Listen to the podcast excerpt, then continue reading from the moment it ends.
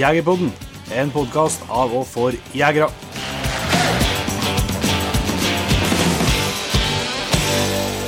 Hjertelig velkommen til en helt ny episode av Jegerpodden. I dag, Jon Igevik, spilt inn fra et fortelt i, eh, ved en strand i de dype svenske skoger. Ja, jeg tror det, det må være første gang vi sitter i et fortelt. Det er første gangen vi har miksbordet oppå et campingbord. Det er første gangen vi sitter i campingstoler når vi spiller en podkast, vil jeg merke. Ja. Campingvogn har vi spilt inn i før, men Ja. ikke i fortelt. Nei. Så det er en milepæl, da, selvsagt. Vi er jo eh, på bjørnejakt. Eh, det får vi komme litt nærmere tilbake til. Men først eh, dagens episode. Det er en innspilling vi har hatt eh, på Røros. Yep. Med en eh, mann som jeg tror er kjent for en del, i hvert fall, som heter Ivar Tørresdal. Stemmer. Som eh, i eh, Ja, kan si sjøl, er det 60 år noe, har jakta og fiska og reingjeter og forskjellig. Så en kar med veldig mye eh, både historier og erfaringer, og ikke minst med hunder, hund, elghunder, både bannhund og løshund. Så her er et vidt spekter av tema. Ja, og øh, vi er innom rein nå. Ja, mye reinsprat òg. Ja, det det. Det er jo sesong for det. Riktignok er jo den eh, reinen vi snakker om her tam, men det er jo det er samme dyret. Samme dyret. Det er det. Så det. Men uh, bjørnejakta, Inge, vi har jo hatt noen dager, vi har noen dager igjen. eh, det vi ikke eh, Vi har ikke noen noe grunn til å klage på ammunisjonsprisene, f.eks. Nei. Vi har ikke noe ikke skinnpriser, ikke, heller ikke etter noe, kjøtt, noe bjørnkjøtt til middag. Nei. Det vil si at ingen eh, bjørn i bakken. eh, Vi har eh, Det har vi egentlig, jeg vil egentlig si det, Det har, det har gått som forventa. Ja, for at det er forskjell på forhåpninger og forventninger. Ja. Så at forhåpningene var jo selvsagt absolutt til stede, men forventningene var nok mer, litt mer realistiske, og det er vel dem som har slått det enda, i hvert fall. Ja. Men vi har nå hatt én dag med, der vi har hatt bjørn på fotene, Mm, ja. og, og hadde litt skikkelig spennende jakt. Det var jo ikke det var ikke så langt om unna at du hadde fått, eh, fått en bjørn for uh, Dime, det, gitt. Nei, det var, mm, det var nære øyet, det, og det var mm, Det var skikkelig Det var litt kjedelig, rett og slett, for han eh, Vi har liksom Vi, har, vi visste om én post på forhånd på terrenget som, var, som liksom skulle være jævla bra, Ja. og det stemte. ja. Uh, så jeg rakk å, rakk å komme dit før en uh, Vi kan jo først ta det, litt, det sier jo kanskje litt om, om er akkurat det med forventninger og forhåpninger og sånn, for eh, jeg, jeg, jeg har ikke tatt så ståltrua på Dime på, på byen. Nei. Det vet jeg ikke om jeg har redda her, da, men, men, eh, men han eh, Jeg var jo og slapp den der det var bjørnspor en dag, og da så jeg han prøvde jo ganske hardt å spåre det. Ja. Og var veldig ivrig på det sporet. Så dette er kanskje håp likevel. Ja. Så etterpå så fant jeg at vi kunne jo prøve, prøve en da, og Rex får sprunget mye, og, og har ikke fått det all verden her, da, for den igjen. Ehm, så Men jeg hadde jo ikke noe trua, da, for at når jeg kom ut og Jeg hatt et, eh, et bilde på et eh, lovlig åte der, da. Ehm, jeg kom ut og begynte å gå oppover mot det åtet, så Og gikk noe på årvær. Ja. Det, det var nå tross alt seks-sju timer siden jeg hadde fått det bildet. ja. Og det er veldig bra med elg på terrenget. Ja, ja, i hvert fall til svenske skoger å være. Ja. Så må man si det. Og da tenkte jeg ja, ja, men han jager et elg eh, til, da, det har nå ikke noe stor betydning. men Så jeg slapp den, og han, var- han spora ikke helt, det var jo bare rent overvær. Ja. Og jeg hørte ikke noe, jeg mista ganske fort på peilen, men eh, jeg hørte ikke noe, noe uttak heller. Men når han kom ned og passerte den eh, ene veien som du sto på, så, så sa jeg at du må bare koble flere enn elg. ja. Og du, du kobla du? Jeg kobla, kobla og det, det var jo Det var jo litt på bakgrunn av at det var, det var kløvspor i veien der. Eh, Men det var jo fordi at den Fundime har jaga en elg ned den veien Dagen før, ja. dagen før ja. Men jeg putta noe hund i bilen, og så, og så Nei, faen, jeg må, jeg må tilbake og se litt grundigere. Men det, det var jo fordi at han, han, det gikk jo ikke noe fort men. Nei. Eh, Han er jo en rask hund som, eh, som vet å både går, har hard fart på søket og når han, når han jager elg. Men det gikk jo ikke fort, men så gikk jeg tilbake og kikka, og det var jo kløvspor, det. Men så jaggu faen så fant jeg fire-fem fire, eh, hull i grusen òg, vet du. Etter, etter bjørnklør.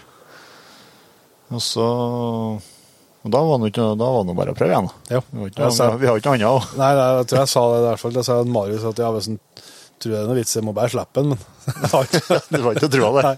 Men det vi fikk noe postert eh, om eh, rett borti høgget der, og da, da kan jo du ta over.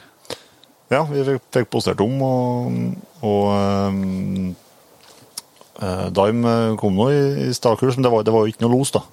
Um, så han, eh, det gikk nå ganske fort. Uh, men jeg klarte å komme meg på den posten som, eh, som skal være ganske bra. Og jeg husker at jeg sjekka peinen. Da hadde jeg 180 meter eller sånt ned til en dime. Uh, og så hører jeg at det kommer noe opp gjennom skogen rett, rett imot. da. Ja, vi var, ikke, var fortsatt ikke helt 100 på om Nei, jeg var, var ikke helt under. Jeg, har ikke blitt overraska hvis det kom en elg, nei. Nei, nei, nei. Eh, Men det gjorde det nå altså ikke. Uh, For det Først tenkte jeg at eh, faen, det var For jeg hørte bare gresset som At det var et dyr som sprang gjennom gress, Ja. ikke noe kvesk, noe kvestknekk eller noe sånt. Uh, og så ble det helt plutselig helt stilt, rett nedom meg. En ja, 50-60 meter ble det helt stilt. Eh, og så bæsja jeg av gårde igjen, da. Så da fikk jeg en til meg Ja. kom ikke opp. Jeg sto på ene sida av veien oppå opp på liksom en kant der. Og så fikk jeg en til meg. Eh, så fikk jeg se et lite glimt av i et uh, helsekund eller sånt uh, nede i skogen. da. Eh, og da var han også, da var han i full galopp, da. Og så var det noe i skogen, så det var Ja, jeg var oppe med børsa, men jeg fikk aldri noe bjørn inni, i kikkerten, nei. nei, nei. Så det var, det var nære øyet. Uh, han hadde ikke fått været av meg, han hadde kommet på veien, og da har jeg fått den på 20 meter. Ja. Så Nei, og, og så var jeg det var, og det var, men det var, så sa sa han at ja, det, det begynner, bjørn, det er. Bare følg følg med og pass på og greier. Og, og, men det tok sin tid før alle på laget faktisk, faktisk innså det. Trudd, trudd på det. Men uh, jeg var ta med det som en sånn eh, vi, vi prøver å fortelle om hundene våre når det går bra og når det går dårlig, men uh, det var en historie som gikk begge veier. For at jeg skjønte jo at Daim sikkert syntes det var ja, Han har ikke noe erfaring med å jage bjørn, heller, så, så jeg ville jo gjerne få på Rex Lammi. da. Ja, og det- og det så- For han kom jo opp til deg. Ja, Han kom, der, han, han, var jo, han kom jo etter, etter bjørn. Ja. Han, så jeg var jo så vidt bare å, gå ned på der, han var, der bjørnen kom, så, så kom jo hunden òg. Mm. Kom han opp til meg, men da var han veldig kontaktsøkende til ja. hverandre. da. Og, og, og var, ja, han var noe Men du så liksom i blikket på han at, her, at det, Det begynner å ta på i topplokket. Ja. Ja, han var ikke helt fornøyd med tingenes tilstand, så det ble litt eh, motivering og litt eh, måtte jazze opp en litt for å få den videre.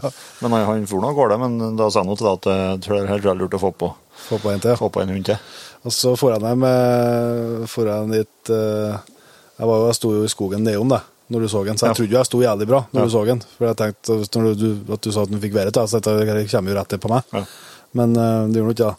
Så var jeg ned til bilen og, og henta Rex, og så innpå, og kommer bortpå sporet, så er han så ivrig at han drar meg over ende tre ganger. Jeg ligger langflat på magen i myra og tenkte faen, her, her blir jo her, her blir butikk, liksom. Nå er det jo det er jo så å si ferdig. og så slipper en, og så bare gjør en runde, og så tar sporen bak sporet, så det plystrer etter. Jeg, jeg, jeg, var- så forbanna. Herregud! Nå er jo bjørn der, og du springer motsatt. Er det mulig?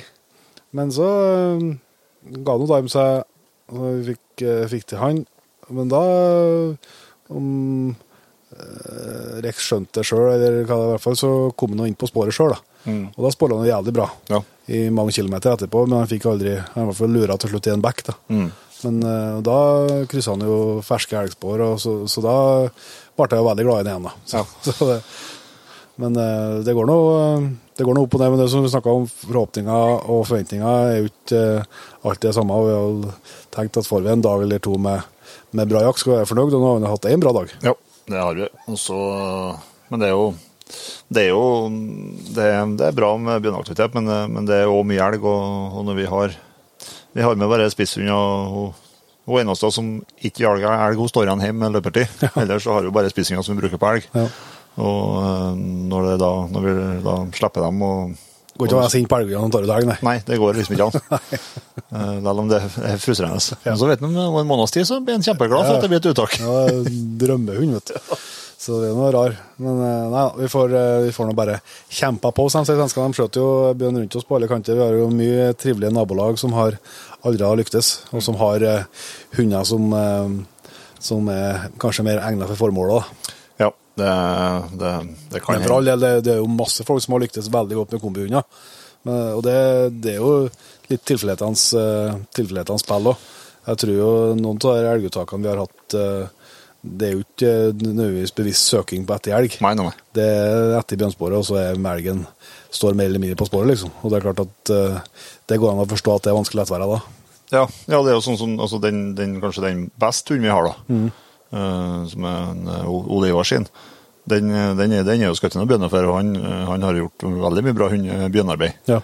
Uh, han jo ble jo, prøvd der, men eh, da står jo en elg liksom ja. Det er bare utur. Ja, det står, det står en elg i veien, og da du kan du ikke banke dem for at de jager elg. Det stakkars elghundene. om. Nei, altså, du må Du trenger nødvendigvis ikke ha flaks, eh, men du må, må ikke ha uflaks heller. Det er vel det de sier om, om, jakt, om jaktprøvene. Så nei da, men det har nå vært en veldig trivelig tur eh, så langt. Og eh, det ser nå ut som det skal fortsette med det, da. Jeg tenkte Det er jo selvsagt på alles lepper, i hvert fall de som er småviltjegere, begynner jo å komme ut eh, takseringsresultat. Ja. Skal ikke si at vi har dukka inn i alt, men eh, det er jo ikke eh, bare hyggelig lesning, da. Nei, det er også ikke det. Det ser, det ser ikke noe bra ut. Nei, det er mange plasser det ser rett og slett skikkelig dårlig ut. Ja, og det, i hvert fall i, i, Trøn- i, sånn i, i store Trøndelag, også, som, er, som er en viktig, viktig, viktig fylke for fuglejakta, så, så er det jo stengt. Ja, en del plasser Altså, det begynner å bli det. Mm. Og likeens sørover så, så er det i hvert fall i, det er noen plasser stengt og noen plasser veldig begrensa baglimit. Mm. Eh, Men jeg ser jo samtidig, så det på Fefo så var det jo eh, det beste året siden midten på 2000. Mm. Men det er, jo, det er jo store lokale variasjoner, og det er det jo selvsagt all plass. Altså, Ja, ja. Så, eh, det vet jo alle som har jakta litt fugl, at liksom har du jo en to-tre kull på en store kull opp på en dag, så kan du ha en kjempebra jaktdag. Mm. Ja, ja, ja. Mye situasjoner, mye artig. Uh, Sjøl om det er begrensa baglimit. Mm. Det, er jo, det er jo klart, for noen så, så er jo, må du kanskje ha noe skott likevel for å fylle baglimit på noen fugl to. Så, så da, da, jeg, jeg håper jo, jeg, jeg skjønner jo at det liksom er noe å følge med, men samtidig så tror jeg jo at uh, mange av uh, de ivrige fuglejegerne du liksom du gleder deg på fuglejakta likevel. Altså, det er noe, det, Mm. Ja, er ja. noe det som er alt annet. Det er jo ikke eh, nødvendigvis antall eh, fugler du kan ha i sekken som, eh, som betyr noen ting. Nei, og så er det så mye som spiller inn på takseringen, sant? med vær og føreforhold, og, Ja, ja. og om du finner om fuglen sitter på det beltet som, eh, på det høyde, høydebeltet som lina går på, Ja. det, det er mye fakta som spiller inn men, eh, men det er nå den metoden man har. Ja, det er det beste vi har. Så eh, det blir spennende å se når, jeg, når rapportene etter hvert begynner å komme litt fra jegerne. Og hvordan, eh, hvordan opplevelsene er da. Men uh, praten med den godeste Ivar, uh, den er jo både lang og jeg vil si god. Håper jeg du som hører på vil være enig med når du har hørt den. Så jeg tror vi bare kan sette over til han. Ja. Det gjør vi. Da har vi gleden av å ønske Ivar Tørresdal hjertelig velkommen til Jegerpodden. Takk for det. Og takk for at du tar imot oss. Da sitter vi på Røros. Ja, det er alt som har med friluftsliv og jakt og fiske. Da er vi med. Ja. Og hunder. Og hunder. Ja. Og vi skal innom eh, det meste, tror jeg, etter hvert. her, Ivar. Vi rekker nok ikke innom alt du har eh, tanker og erfaring omkring det, for du har et ganske rikt liv i skog og fjell, etter hva jeg skjønner. Det er klart, når du holder på med det i snart i det er nå 78 år i dag, Ja. og det er i dag da man er 78 år, og det er klart, når du har vært interessert i jakt og fiske og skogen og friluftslivet i et helt liv, og i tillegg har fått lov til å være med som reinsgjeter fra 1958, Ja. så er det klart jeg har fått med nokså mye som foregår i skogen. ja. Det er nok eh, Men hva, hvis vi starter der, da. Hvor, eh, hvordan begynte liksom interessen din for, for jakta og, og viltet og, og skogen og fjellet? Det begynte vel slik at eh, jeg hadde en del onkler som var veldig ivrige, både jegere og fiskere. Ja. Og en av onklene mine bodde i samme huset som oss da jeg var liten. Og det er klart, når han kom hjem igjen med mye rart og forskjellig i sekka, enten det var fisk, eller det var rype, eller storfugl, eller til og med grevling, så er det klart at øynene de var spent når de fikk hatt det på ha på den sekken. Ja. Det starta vel der. ja. Og historiene de forteller. Ja. Ja. Ja, ja, ja. Det var kanskje litt annen kultur for å dele historier og fortelle og sånt enn hva vi har i dag, eller? Det var noe helt annet. Det kommer jo veldig vel i hodet når jeg meldte meg inn i Jeger- og Fiskeforbundet, eller Jeger- og Fiskeforeninga her på Røros, Mm. Og da var det jo en masse seniorer Ja. som var med. Og de, og de var veldig flinke til å fortelle. Ja. Jeg er sikker på ørene våre sto rett ut som i seil på en båt. Da var det virkelig interessant å høre på hva de hadde å fortelle. Ja. Det var ikke noe annen kommunikasjon egentlig i forhold til historia. Nei. Og kunnskapen òg ble delt på en måte. Ja, ikke minst kunnskapen. da. Og det som var, om vi var ti år eller om vi var 70 eller 80, spilte ingen rolle. Nei. Samme laget alle sammen. Ja. Det tror jeg veldig, var veldig viktig Ja. lærdom. Men fikk du etter hvert eh, være med runklene dine ut på jakta, sånn at du fikk ut og, og erfare, og ikke bare høre historiene og se i sekken? Nei, det gikk veldig kort. At jeg, etter jeg begynte å være tolv år, så var jeg bra til å ferdes. Jaha. Da fikk jeg være med å følge og gå bakafor. Ja. Ja. Og det var nok eh, det som gjorde at det ble hovedinteressen. Det var jo helst strupejakt. Ja. Ja. Og da De hadde jo gode hunder. Jeg var fuglehunder, ja. Ja, ja. Gode fuglehunder. Og akkurat det samme når det gjaldt å fiske. ja. Vi fikk lære akkurat hva vi skulle servere, enten det var mark eller flagge. Og da gikk vi jo der og trødde og fulgte med på det som foregikk. Jeg tror det er noe av det beste skolen du kan få for å lære mye om det som foregår. Ja. mm. ting er å lese det i bok, men å være med og se det og føle på kroppen sjøl, det tror jeg er det beste lærdommen du kan få. Ja. Men jeg husker du, var det, var det ryp som var det første du fikk uh, felle sjøl, eller? Det var faktisk rype. Ja. Det var vel sikkert i ekorn før dere, men det teller ikke i denne sammenhengen. Nei, det er jo, jeg må fortelle dere historien om første rypa mi. Ja. Bra, det. Da har jeg gått og trampa til fælene til onklene mine i flere år. Jeg var ikke mer enn tolv år. Og så er det en far som eh, var interessert, men var aldri vært noen jeger sjøl. Og så hadde han et søskenbarn like attmed der vi kom ifra, borti Hådala her. Og jeg visste at han hadde ei hannehagle. Han jakta ikke mye mer sjøl. Så jeg masa på far min om ikke han skulle låne hagla, og at vi skulle gå en tur. Ja. Jeg holdt meg på gnåla så lenge at, eh, at han tykte det var rettest å gjøre det. Og det gjorde han. Og det var lite senhauste så etter rypa for å komme opp toppene. Rimelig enklere å finne. Og der vi dro i vei oppover fra den eiendommen vi har sjøl borti Hådala, mot 500. da. Og jeg gikk nå først da med hannahaglen. Var dobbeltløper -hmm. Kom nå opp på høgste toppen, og det var ei lita grubbe der, og der fløy opp fem ryper. Og jeg var nå såpass at jeg klarte å få i vei skott, og det datt ned rype. Ja. Det er klart, da Hva har gjort? Da Det var en stolt rypejeger som kom hjem. Skulle du tro? og så begynner, skal jeg fortelle onklene mine om det da, Ja. etterpå. Ja. Det ble andre veien da. De bare mata på mer og mer, vet Ja, ja. du. Selvfølgelig. Ja. Ja, det var, det var et stort øyeblikk. Ja, det vil. Slike ting glemmer en aldri rov. Du nevnte her eh, at du har vært renigheter store deler av livet. Det starta ganske tidlig da, og stått på i 50 år, er 78 i dag. Ja, jeg starta tidlig, og det var helt tilfeldig. Aldeles. Og dit, du vet, etter krigen her, så gikk eh, mønsteret med sommerbete og vinterbete i oppløsning. Aha. Man flytta et reinen sin som gjorde, og dergo så ble det mye villere. Ja, for de ville ikke uh, gi Ville ikke ha en rein, for de ble pålagt å slakte, Ja. og tyskerne. Ja. Det nekta de. Og det forstår jeg jo. Mhm. Det innebar at reinen ble nesten uhåndterlig på fem år. Ja. Men eh, i og med at jeg er såpass interessert i fiske som jeg var, så er det midt i vinterlandet for reinbeite. For to distrikt, både Rias Trylling og Essan-distriktet. Og jeg flytta jo hit på vinterlandet. Der ligger det en sjø som heter Flensjøen. Røde og aure tid. Ja. Og der var på april. Først på april måtte det være. Og like attmed sjøa seg i høyt fjell som heter Flenskampen. Vi satt nå på sjøa, vi hadde gjort bor og høl, og det var ikke noe boring, vi brukte isbil. Akkurat på høy, det var ikke isbor ennå da. Nei. Hadde gjort på høl, og der satt vi, og så fikk vi høre en hund oppi der fjella. Skjønte ikke noe hvordan det skal være en hund oppi der nå. Nei. Nei, vi satt nå, vi så når øynene gikk nå på det, og plutselig så fikk vi se en renflokk, jeg har ikke sett ren før, som kom nedover fjellsida. Og før dem så kom det en mann på ski. Før dem? Før Renom, ja. Og bakafor så kom det en hund. Ja. Og han der eh, mannen der, han kom der rennende ut på sjøen, han òg. Hadde jo ved, ved på sekka.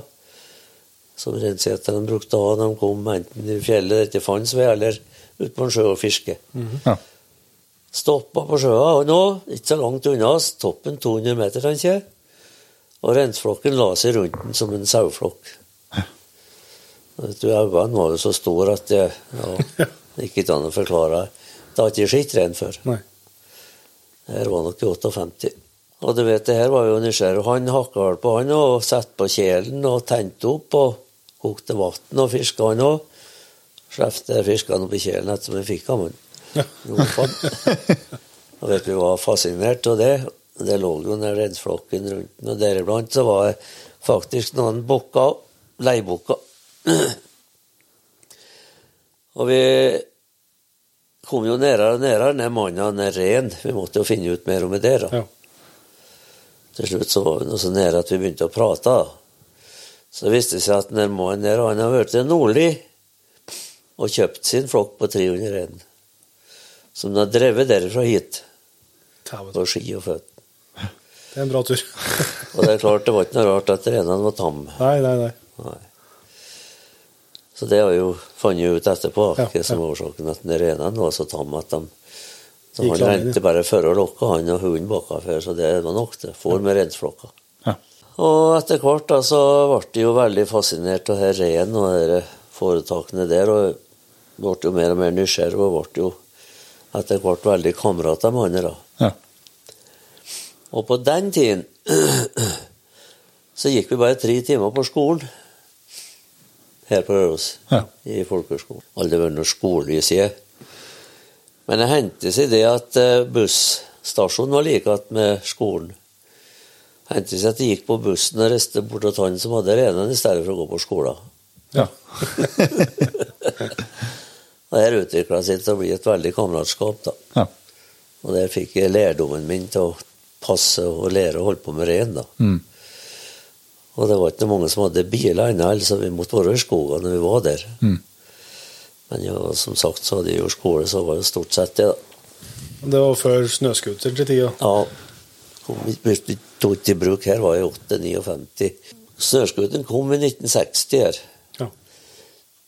Men eh, vi skulle ikke bruke noen snøscooter på renene, vet du. Nei, nei, nei. Skulle kjøre proviant og sekker og noe slikt, da. Det kunne jeg gjøre. Men eh, 63, da var den tida over. Ja. Da ble det snøscooter på flestene. Ja. Men da måtte du læres opp renene òg, vet du, på maskiner. og Ja. så det var Nei, det var, litt, det var en helt annen tid. Det går ikke an å sammenligne i hele tatt med det vi holder på med i dag. Nei. Nei, nei, nei. Men jeg var jo lærerik tid. Ja. Og såpass interessert som jeg allerede var på jakt, så lærte jeg en ting tidlig. Og det er at vinterrypa holdt til der reinen har sparka. Der fant jeg mat òg. Ja. Ja. Reinen grev jo nedpå bakken for å finne måser. Og da visste jeg allerede det at skal vi jakte rype om vinteren, så måtte en få det dit det var rena, for der det sparska der holder gruppa til. Ja. Mm. Og det er helt naturlig at det er slik. I ettertid har jeg jo lært at det er nå bare slik det er. Men du har drevet noe ganske bra med fuglejakt i tidlige årene der òg, forstår jeg? Jeg jakta veldig mye fugl, men på den tiden ikke så mye. Men jeg fikk jo min første hund da jeg var 14 år, en englesetter. Ja.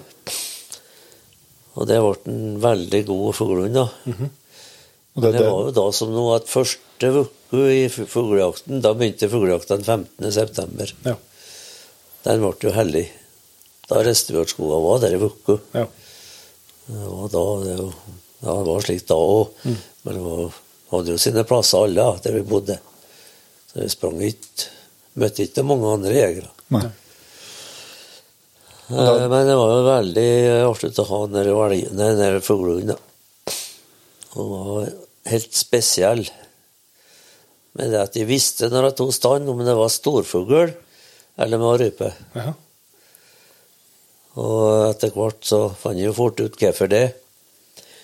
Hvis ikke du får det på en hund i avansen da, når det var storfugl, så hørte du bare en flagg og fikk ikke se den. Men hun sto og snudde seg og så på meg og venta på meg jo, hvis det hadde stand på storfugl. Ja. Jeg så det før jeg kom bort til hunden, at nå er helst tiur som springer på bakka. Ja. Da var det enkelt. Det var bare å gå i ikke uten å stoppe. Så kom vi inn på tiuren. Og Veldig mange av dem ble med hjem igjen. Ja. Det var noe slik det var. Var rype, så sto hun bent fram slik som en vanlig fuglehund står i stand. Ja. Helt den, spesielt. den gjengsetteren, den, eh, den fikk du fra, fra en av onkelen din, En av altså? onklene mine Ja. hadde ei kull. Så jeg visste jo av mora og det der. Jeg kan, kunne ikke så mye om hund, men jeg var jo vant med hund. da. ja. Så det var Nei. Så de lærte meg vel mer om hvordan jeg skulle håndtere hunden, onklene mine, enn det jeg gjorde. da. ja. Men hunden lærte meg mye om jakt, da. Det gjorde den. Ja. Det er ikke noe tvil om. Du hadde, snakka litt før her, rypejakta var liksom nesten litt attåtnæring en stund òg, eller? Jo, det kom mye senere, da. Ja. Og mye senere i livet at det ble åttåttnæring. Og da er vi, frem, da er vi faktisk inn på, inn på 70-tallet. 70 og første halvdel til 80 Ja. var kolossalt mye rype. Ja. Jakta vi faktisk rype for å ha inntekt. Ja. Jeg og svogeren min. da. ja. Jeg ble gift med ei samisk jente, ja, så Ja. da hadde jo en svoger som var like interessert i jakt som jeg var. Og da, og da fikk jeg òg lære mye om det her med å lære vilt du jakta på. Da ble du mye bedre jeger. ja. Han var nok han var jo ti år gamlere enn meg. Han jakta styggelig mye fugl. Ja. Så han eh, Jeg lærte ytterligere mer om hvordan han skulle lykkes på jakt. Flagget rypa opp en plass, så visste han hva får han å sette seg igjen. Da på å springe og lete noe mer om det. Flagg dit. ja, Når du holdt på med snakka om rengjeting her, og, og før snøscooterens tid spesielt, da, det måtte være ganske mye ja, strabasiøse turer og bli i ganske bra form eh, når du holder på med det eh, hele året rundt og på fotene på sommeren og skien på vinteren. ja, det skal jeg si. Strabasiøst så det holder, da. Og, ren, og, og rengjetinga måtte jo foregå uansett, vær og vind. Ja. ja. Det var den første du møtte. Dårlig føre og smoren i skismorning, det var jo Og styggvær, det var hverdagskost. Ja. Bare det er jo en knallhard trening av kroppen. Ja. Og om høsten, når vi begynte, da etter snøen kom, det var da han skulle temme ned reinen for å klare å håndtere den. Det klarte ikke nede på sommeren. Hadde gode hunder, det hadde han jo, men altså, jeg hadde ingen hund på det tiden der. Men vi hadde jo hunder som dugde. For det var helt avhengig av gode hunder, altså. Men når du skulle temme ned rein, da fikk du jo rein som ikke har vært håndtert noe på mange måneder. Fra kalvmerkingstiden i juli og tar til oktober-november snøen kom. Mm. Da var det tøft å holde på såpass at du klarte å håndtere den slik at det var du som bestemte, og ikke reinene. ja. Sånn var det bare. Det var bare å henge på det. Så det var Da kom han jo i en fantastisk eh, form, da. Men vi hadde den fordelen at vi behøvde ikke reise hjem igjen hver kveld. da. Vi bodde i skoga. ja. Enten bort med noe gårdsbruk eller i koie. Vi var, vi var i skoga mye mer enn det som behøves i dag, da. Ja. Vi forflytta oss ikke noe mange mil. Når vi var ferdig på arbeid om dagene, så var det ikke noe mer igjen. Fikk da ete og sovne, så var ikke noe klart for neste morgen. Nei. Det var noe slik det var. Men så la du ligge i fjellet i ukevis, da, liksom. Ja, jeg tror jeg lå en måned i trekk en gang til KE. Det som gjorde at jeg får fram igjen da, det var vel at jeg ble snusløs. Ja, ja, da måtte du fram. ja. Ja. Men det var på den tiden jeg brukte tobakk. Det gjør jeg ikke lenger nå, men Nei. det var da i hvert fall. Ja. Det var ganske viktig. Det var flest han brukte snus. ja. da.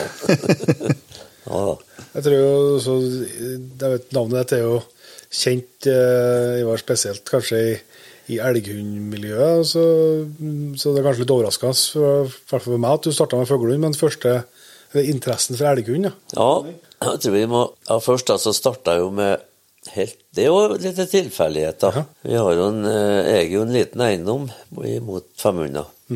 Og du vet, da var jeg vel eh, 17-18 år.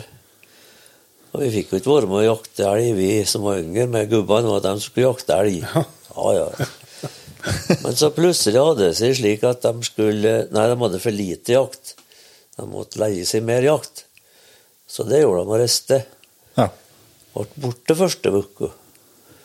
Og så tenkte vi vi må vel spørre om ikke vi får gå mens de er borte. Ja. På det terrenget vi hadde. Og jaggu sa de ja. Ja. Men vi hadde jo ikke børsa, vet du, alle, eller? Vi var bare tre stykker. Fire var vi. Men jeg hadde en onkel som var med i HV, selvfølgelig, som mange hadde den gangen. Ja. De hadde jo HV-mauser. Ja. Men den har jeg brukt på rev. Det fikk jeg låne. Ja. Dro i vei på jakt. Ingen hund. Men vi var gode til å Vi har skutt mye horre og rev. Vi var gode til å rekke. Og du verden. Så fikk vi se Det var jo Elg var elg da den gangen. Ja. Lenge før rett avskjøting. Fikk vi se to elger oppe i fjellbanen.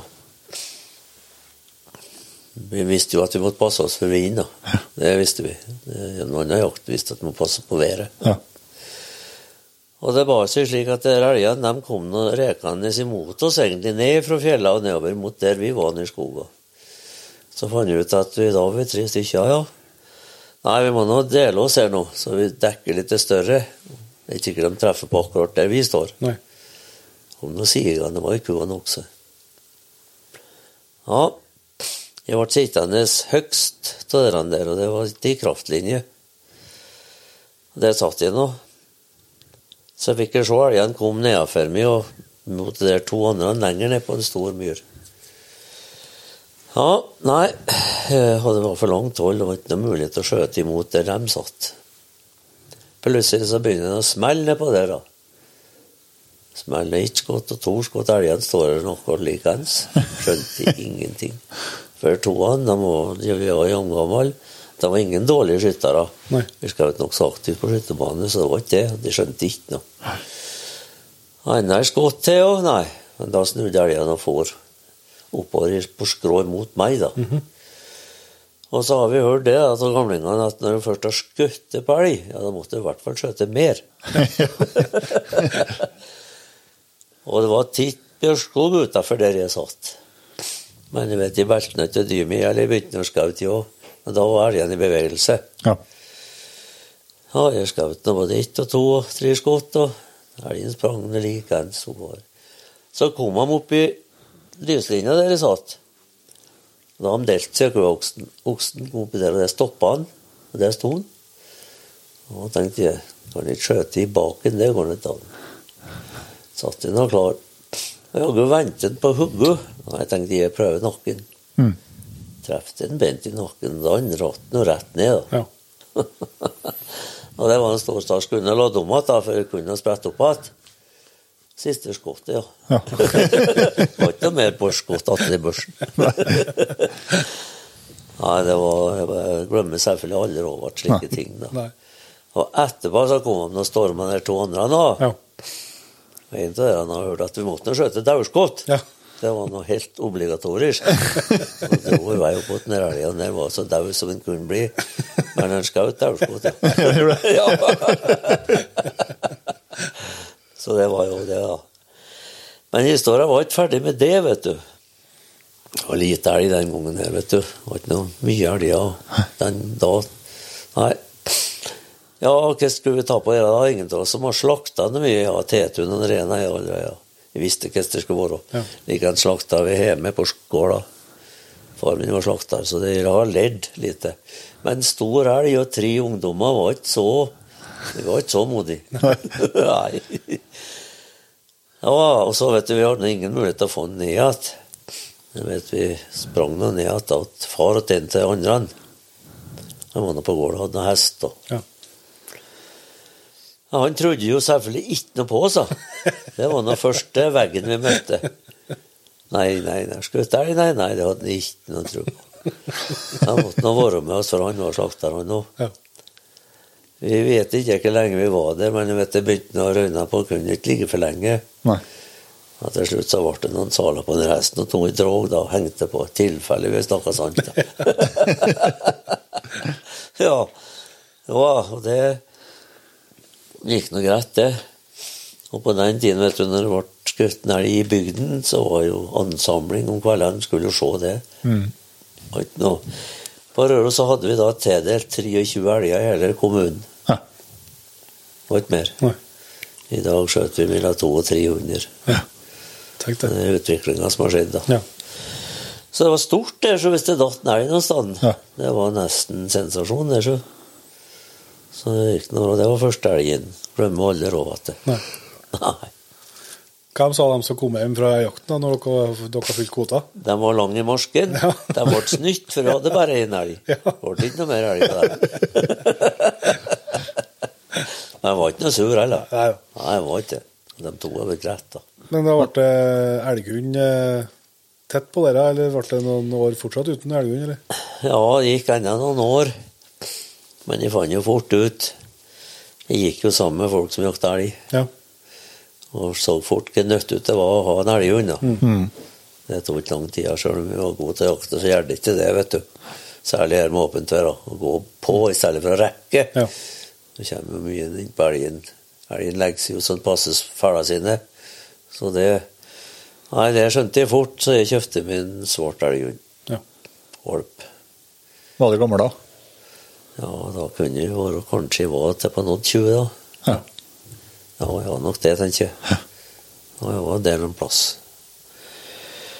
Og den eh, Jo da. Det var en bra nok jakthund, men ingen topphund heller. Det var ikke, men for all del mye bedre enn å gå foruten, i hvert fall. Ja. Ikke noe å lure på i hele tatt. Ja. Ja, ja. Så det var første. Hadde du noen liksom som hjalp deg med hvordan du skulle komme i gang med hund og sånt? der? Det var det liksom Ja, da. ut og prøve, eller? Ja, jeg, var, jeg hadde flere som hjalp meg med det. da. Ja. Og når hunden han ble såpass bra at jeg tykte jeg måtte melde ham på en jaktprøve. ja. Jeg har aldri bare hørt om det. Ja. Ja. Visste ikke om hva som der foregikk. Og da den og noe med en gang når jeg først holder på å snakke om hunder. Ja. Men da, nå har vi nådd til 70-tallet, faktisk. Ja. Og det ble mye mer elg. Og da kjempa jeg spurte dommeren, det var forresten en fra Nord-Trøndelag, som heter Rønningen. Ja. Og to brød som var dommere. Steinkjer og det er Levanger eller hvem det var, er ikke sikker på, men i hvert fall. Møtte opp om morgenen og lurte jeg på hvordan det her skulle foregå, for det visste ikke jeg da. Nei. Nei. Men det var et godt råd, det har jeg aldri glemt av at han sa det. Du gjør akkurat likeens i dag nå som vi gjør når du jakter elg, sa han. Og da visste jeg jo nokså mye av Ja. hva jeg skulle gjøre for å komme inn på den elgen Ja. og finne den. Det var resepten jeg fikk med meg når jeg skulle på min første jaktprøve på. Ja. Og det gikk jo helt kjempebra, og da var jo det lyset tent for godt, da. Ja. Ja, ja, ja. Men jeg har vært så heldig at jeg har fått dømt masse hunder, både bannhunder og løshunder.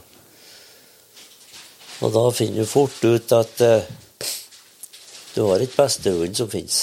Mange andre også som har det. Ja. Så det er nå Ja, ja. Det har gitt meg mye, det der dømmervervet. ja. Har gjort meg mye, virkelig lært mye, både jeg òg. Når hadde du begynt å Når begynte du dommerutdanninga sjøl? Jeg var på 80, det. Ganger. Årstallet vet jeg ikke. Nei. Første halvdel på 80 var det nok. Ja. Nå etter den seansen der, da ble jeg mer interessert i å være på jaktprøver. og- Ja. Og var med som eh, ja, kjentmann, da. Det var noe av det første jeg ble med på. Hvis det var fremmede dommere, og det var jeg for det meste. da. Det var ikke så mange dommere ennå den gangen. Så nei, ja, det, det var da det virkelig tok av. Mm. Først på 80. ja.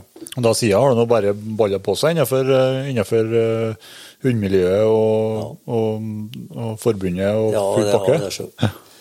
Vet du, når du er med nok, så finner du ut mer og mer, og, og da finner du fort ut at du vil prøve å være med å påvirke Ja. det du tror er rett Ja. måte å gjøre her på. Ja.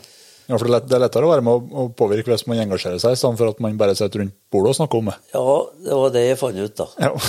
At det hjelper ikke å sitte og jobbe og prate hvis ikke du blir hørt der du prater. Og da måtte du inn i et uh, organisert system. ja. Det var ikke noe annen vei forbi det, og det var jo Jeg begynte jo, når jeg meldte inn i Elgumklubben, så begynte jo på årsmøtene, da. Det er første plassen du fikk muligheten til å, å si det du mente da, om forskjellige saker. Ja. Og det er klart at da Slik går det, da. Og hvis du er litt frampå, kanskje du sier noe som er vett ut, så blir du fort innvalgt til noe annet òg, da. Slik går nå den ballen. Ruller nå. Men det første, første hund var en svarthund du har hatt både var det hatt flere svarthunder, eller var- ble det med den, eller? Nei, jeg hadde en til for et par av nebikkja. Ja. Og så ble det bare én valp. Oh, ja. Så da ble det andre enn da. ja. Hvordan ble den, da? Bra nok som jakthund, lite for hard. Okay. Lite festeri. Ja. Og så tenkte jeg skulle eh, gjøre alt med det. Ja. Det gikk i et jeg ellers hadde jeg sluppet slefta. ja. Og vet du hva så hard at det var nesten å smegnet og greia en gang. Jeg, at nå skulle til å skjøte elg så heit som bare det, vet du. Ja. Men tidde stille, da. Og gnall litt, nei, så det var rolig slik. da, ikke alt. Så det var greit. Men hun var for hard. I vannet her skulle gå til, til mange ganger, det, særlig når livet på lauvet og døtte av og speke. Da skal du Da skal det gå fint Ja. å komme inn på dem. Så da Nei, vet du, og svarthundene har jo litt for å gå på to føtter. Ja. Det er ikke noe Slik er det mange av dem. Ja. Det gjør ikke noe der, så hvis de bare ikke er for harde i vannet, så går det bra, det.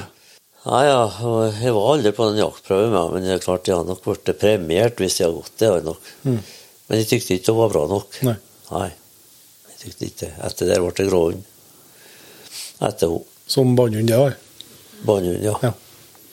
Men da begynte jeg å komme inn i det at jeg har fått lufta på raushunder. Ja. Ja. Og det var- særlig her med ettersøk. ja, for sånn det starta liksom Starta med løshundinteressen. ettersøk og Ja. Fordi jeg tror det på at gikk i hjel oss, vet du. Etterpå jeg satt jo i viltutvalg og ettersøk og og ei som var påkjørt eller skarskutt i jakten og begynte med det snø oppå knærne. Mm. Og ingen poster vet du, vukk om å få til å sette ut. Mm. Det var, det var fælt. Det det var tungsomt. Det var fælt, det. det, var... det- Dette måtte nå være en, en kunnskap som, som man måtte bygge seg opp etter hvert. Og etter hvert som det ble mer og mer elg, at, eh, så ville Ja, det jo, det og så det ble mer og mer skarskjøting og mer og mer trafikkulykker. ja, ja, ja, ja. Alt det der øka på. Det starta jo med en gang etter rettavskjøtinga begynte midt på 70. Ja. Da starta veksten i elgbestanden her på Røros. Ja. Da, det gikk fort. Da folk slutta å skaute kyrne, skaute kalven i stedet, Ja. så ble det fort mye mer elg. ja. Oi, oi, oi. Og da øka jo andre òg. Ja. Ja, ja. Og da, da, da, da så du behovet for løshund òg. Ja, jeg gjorde det, og da har jeg allerede vært i Sverige og lært om løshund. Ja. Og da Men en god Du måtte ha en god bane, du måtte ha en, være sikker på sporing. Ja. Og så kan du slippe den. Du kom jo ikke inn på de jækla elgen. Du slapp du, da, så var det ikke lenge før let, og da og ettersøka det liksom bare en drøm, egentlig. Ja. Tykte jeg. Det ble ikke noe mye problemer. Det jo ikke ikke jeg er så lokalkjent her, da, men jeg innbiller meg at det var ikke noe stor løshundtradisjon her eh, når du begynte på. Ingen. Nei. Det var ingen som slefte hund på Røros. Nei. Det var førsten. Før, før, før det så bare folk mista hundene. Aldri slapp dem. Ja, nei, det var ikke noe Nei. Det var ingen som visste ikke var for noe engang. Det var ikke kan, nok med det, vet du, men vet du, det å slippe en hund i elgjakten, det var jo samme som å skremme elgen bort på naboen, det. ja. Og det var det ingen som skulle gjøre, Nei. for det var jo elgen min. Men, men Nei, så det var Men begynnelsen var at det var så tungsomt med ettersøk, og det frie slapp Ja. Ja. Og det lykkes jo selvfølgelig. Ja. men akkurat den meninga der, den er nå litt her fortsatt 40-50 år etterpå, den, ja. Ja, dessverre så er det Det er synd, men det er nå sanninga. Kommer ikke unna den. Nei. Nei, for, Nei. Men det, har- har jo tatt det noe mer eh, løshundjakt nå enn eh, Ja, nå er snart andre veien. Det er snart ikke at det går på andre hunder. det- Nei. Men det kan ha med at vi har blitt mer Vi er ikke så godt trent og så i form, alle folkene, lenger Nei. som vi var før. Da måtte de gå mye om alt mulig de gjorde. Ja. Så Jeg tror nok at det har noe med det å gjøre, for nå har det plutselig blitt mange som har løshund. Ja. Men det må jo læres, som alt annet. Skal jo, det er ikke bare å slippe en hund. Nei. Det er en vei å gå før en skal slippe den. Mm. Så nå er, nå er bare elg på naboen her, da. Det er ingen som har elg på terrenget sitt lenger hvis det er så mye. Jo da. Jo, jo. Det er ikke så ille. Nei, nei, nei.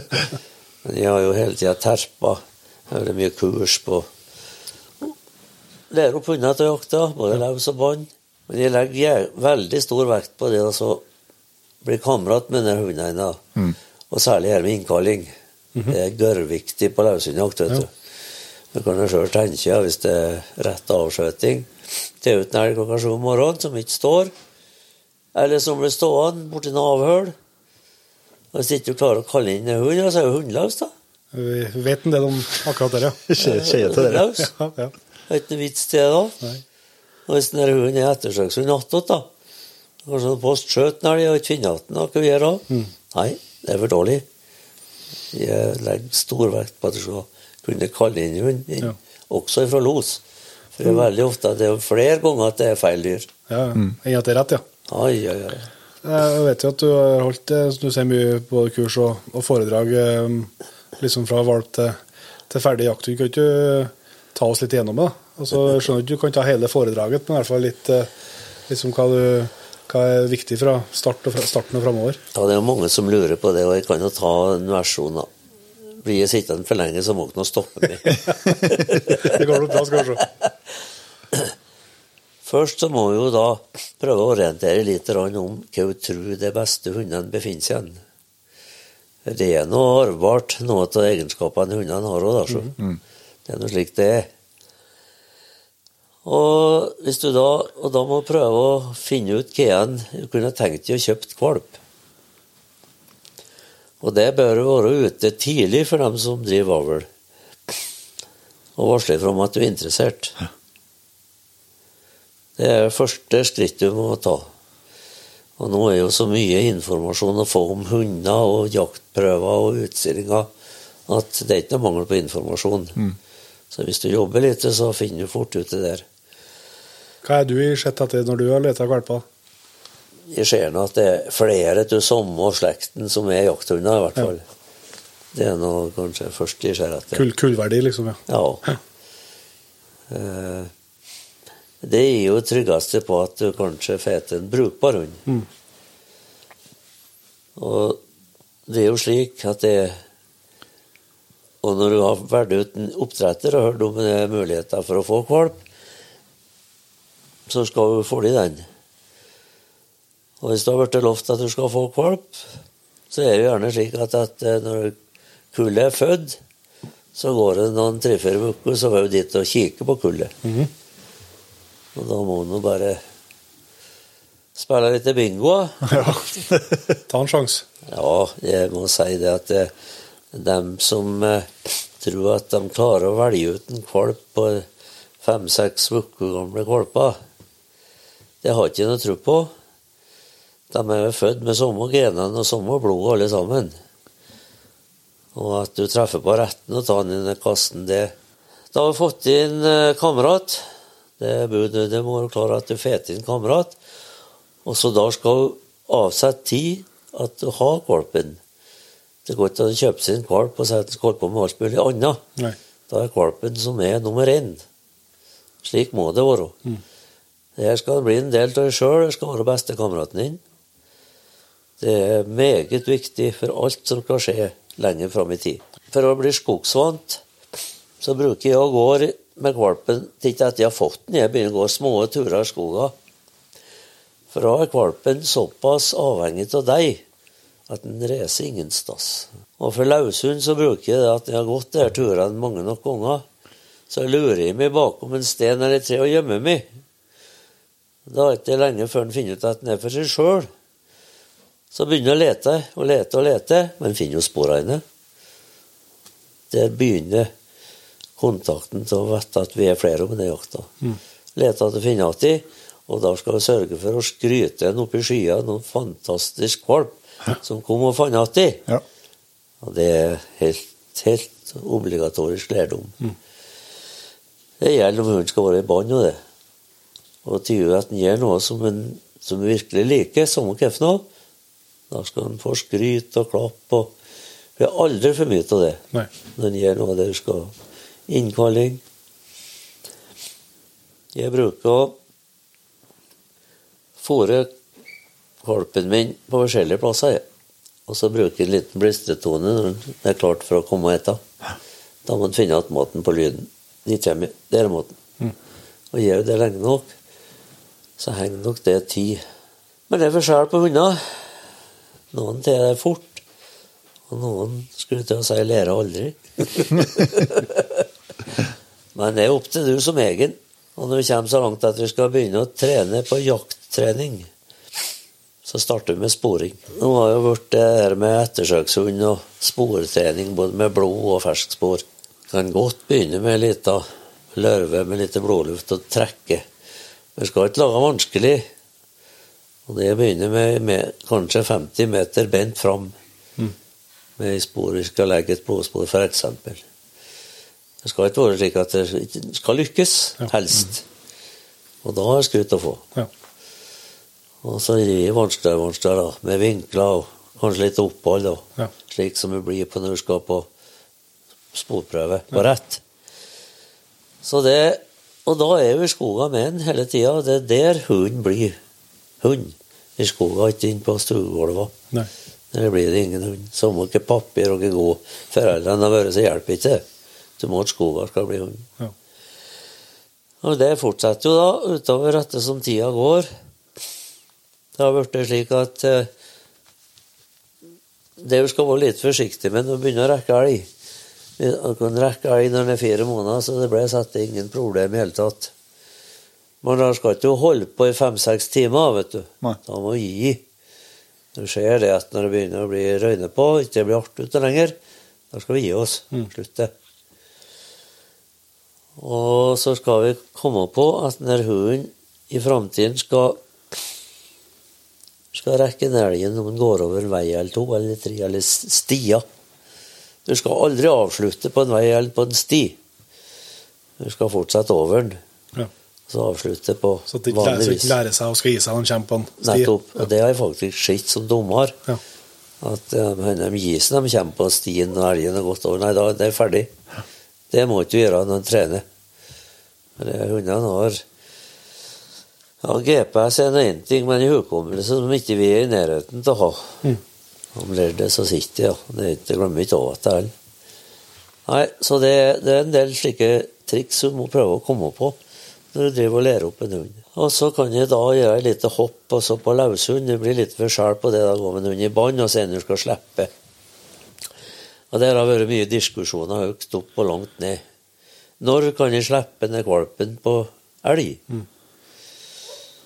Jeg har vært så heldig at jeg har fått lov til å være med på Forsvarets hundeskole og gått på kurs sjøl. Og når det gjelder slike hunder som skal brukes til Ja, dem som vet ikke hva heter, alle hunder bruker på alt mulig. Narkohunder, var det noe måtte være. alt, ja. Alt mulig. Tjenestehunder. Alt mulig tjenestehunder, ja. Riktig. Det er rett ordet. Så sier han det, og da snakker vi om elg, da. Så sa han det at det viktigste når du skal slippe en valp eller en unghund på en elg, skal vite at elgen er farlig. Og da skal altså fryktinstinktet være utvikla, og det er oppi hodet. Ja. Hunden skal være såpass utvikla at den skal være redd hvis den blir angrepet. Ja. Hvis ikke den er det, så blir jeg en tur og ferdig med det. Ja. Og det, må og det, er altså, det er noe som heter fryktinstinkt. Og det kommer med alderen. Men det kommer ikke på akkurat på en viss år. Om det er fem måneder, sju måneder, åtte måneder eller et år. Men vi har som en regel at ett år bør en være for å slippe en Mm. på elg. For den kan være stygg og farlig. Mm. En ting til, og jeg lærte av en virkelig dreven elghundjeger. Han eh, passa på en der det var ganske rent skogbunn. Du må i hvert fall ikke slippe den der de driver med tynningshogst, eller der du har ryddingsskog i bunnen. Mm. Hunden kommer seg ikke unna om elgen angriper. Må være slik at den kan komme seg unna. Det var, og det er viktig. For det er mange hunder som kunne sikkert ha vært topphunder, men de har ikke sluppet dem for tidlig. Og det er etter mitt skjønn har ikke noe for seg. Nei. Vi er ute for tidlig, og det kan gå bra, men de vet ikke hva de har vært med på. Nei.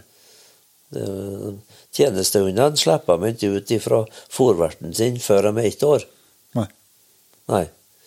De er borte bort med en fòrvert, og så skal de begynne å prege dem på den arbeidsoppgaven de skal gjøre etter ett år. Ja. Det, er sånn, det er bare sånn det er. Og jeg, den trua har jeg. At uh, du skal være litt eh, Og du skal ikke overkjøre eller du skal spore med hell. Jeg har sjøl gått båndhundene mine helt nedåt. Jakta for hardt for lenge. Da skal de kan bli lei, rett og slett, og vil ikke noe mer. Nei. Da skal de være forsiktig. Og ivrige unge hunder, vet du, de går på for full peis. Jaktlyst så det holder. Ja. Men altså, det fins grenser. Og dem er det vi som har sett, ja. Det må vi sette. Vi må nå tro sjøl at vi er, har lite mer vett og forstand enn en fem, seks, sju måneders hund. Jeg er ikke så sikker bestandig. Kan jo være begge deler. Men når du båndhundtreninga, starter du har Du har hatt litt sånn kom, kombihunder skal du, som du har både som båndhund og, løshunder? Ja. Ja, hvis du tenker på kombihund, så ler den ja, først. Ja. Og når den sitter, så har ikke jeg opplevd at det har vært noe minus å slippe hund. Heller tvert imot etterpå.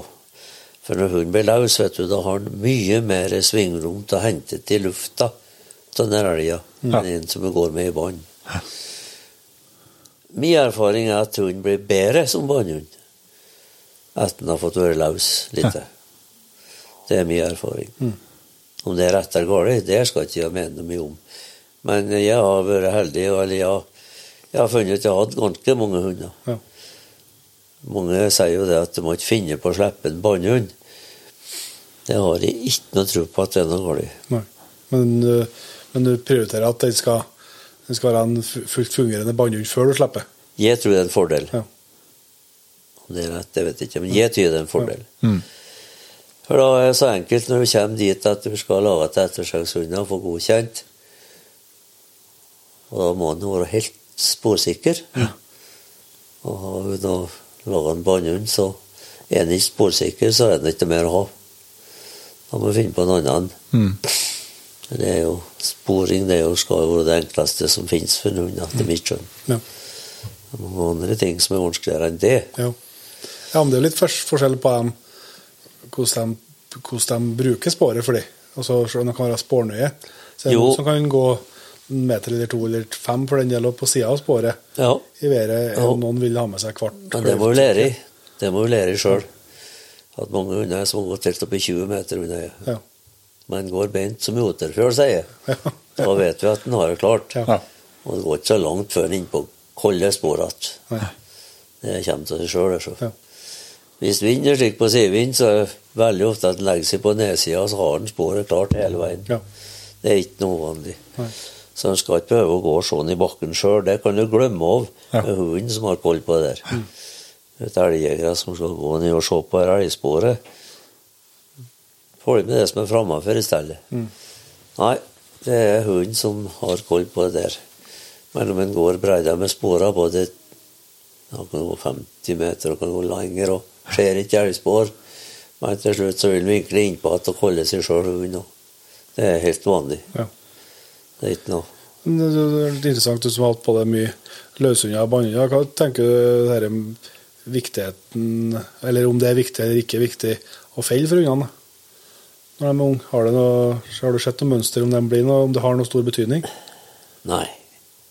Jeg må bare si at det har ikke. Nei. Eh, under all trening Jeg har jo mye mer timer i skogen med å trene hundene og ikke skjøte elg, Ja. enn det gangene jeg skjøt elgen. Ja. Ja. Mitt hode sier at jeg trener jo, må jo trenes, det er jo som en idrettsmann, en hund òg. Hjelper ikke om du har fått førstepremie for to år siden og ikke har vært i skogen noe mer. Nei. Her må det trenes, og kondisjon på en hund Det må være på topp, ellers virker ikke det andre heller. Sånn er det bare, og det må gjøre hvert eneste år. Ja. Det er ikke noe tvil om at en toppkondisjonshund han er bedre på jakt enn en som er overfora og ikke er trent. Ja, ja det virker som de må litt hund og, Ja, ja. og iver og alt som Alt må jo Ja, det, det, det Jeg tror dessverre det er mange som eh, ødelegger jakthøsten litt for seg sjøl med at de har ikke hunder som er i form før i november, liksom, og da er jakta over. Det er for dårlig. så- Det er litt det. Nei. Å gå eller sykle I det hele tatt må røve en hund hele, hele året, egentlig. Mm. Det er sånn er Hundene kan jo brukes til mye. Jeg, begynte, jeg brukte mine og begynte med kløv på mine ja, sommeren. Ja. Var med på, på tur. Må selvfølgelig begynne Må ikke lesse på en 12-15 kilo vet du, med en gang du drev med en kløv. Må være bitte lite grann. Men du skal passe på at det er like tungt i begge verskene. Så slipper den kløven som fer åt alle hold. Ja. Ja, og får, får noe skjev- skjevbelastning av Ja, det er ikke noe bra. Nei. Etter hvert så Jeg begynner med gjerne brusflasker, da, som er lik tung. Veldig enkelt å håndtere. Du øker til to på hver væske, og slik kan du bare holde på. Og det er ikke noe problem for en hund som er halvannet to år, så bærer 8-10 kilo. Nei. Og det er ikke noe problem. Og det er god trening. Det er skikkelig god trening.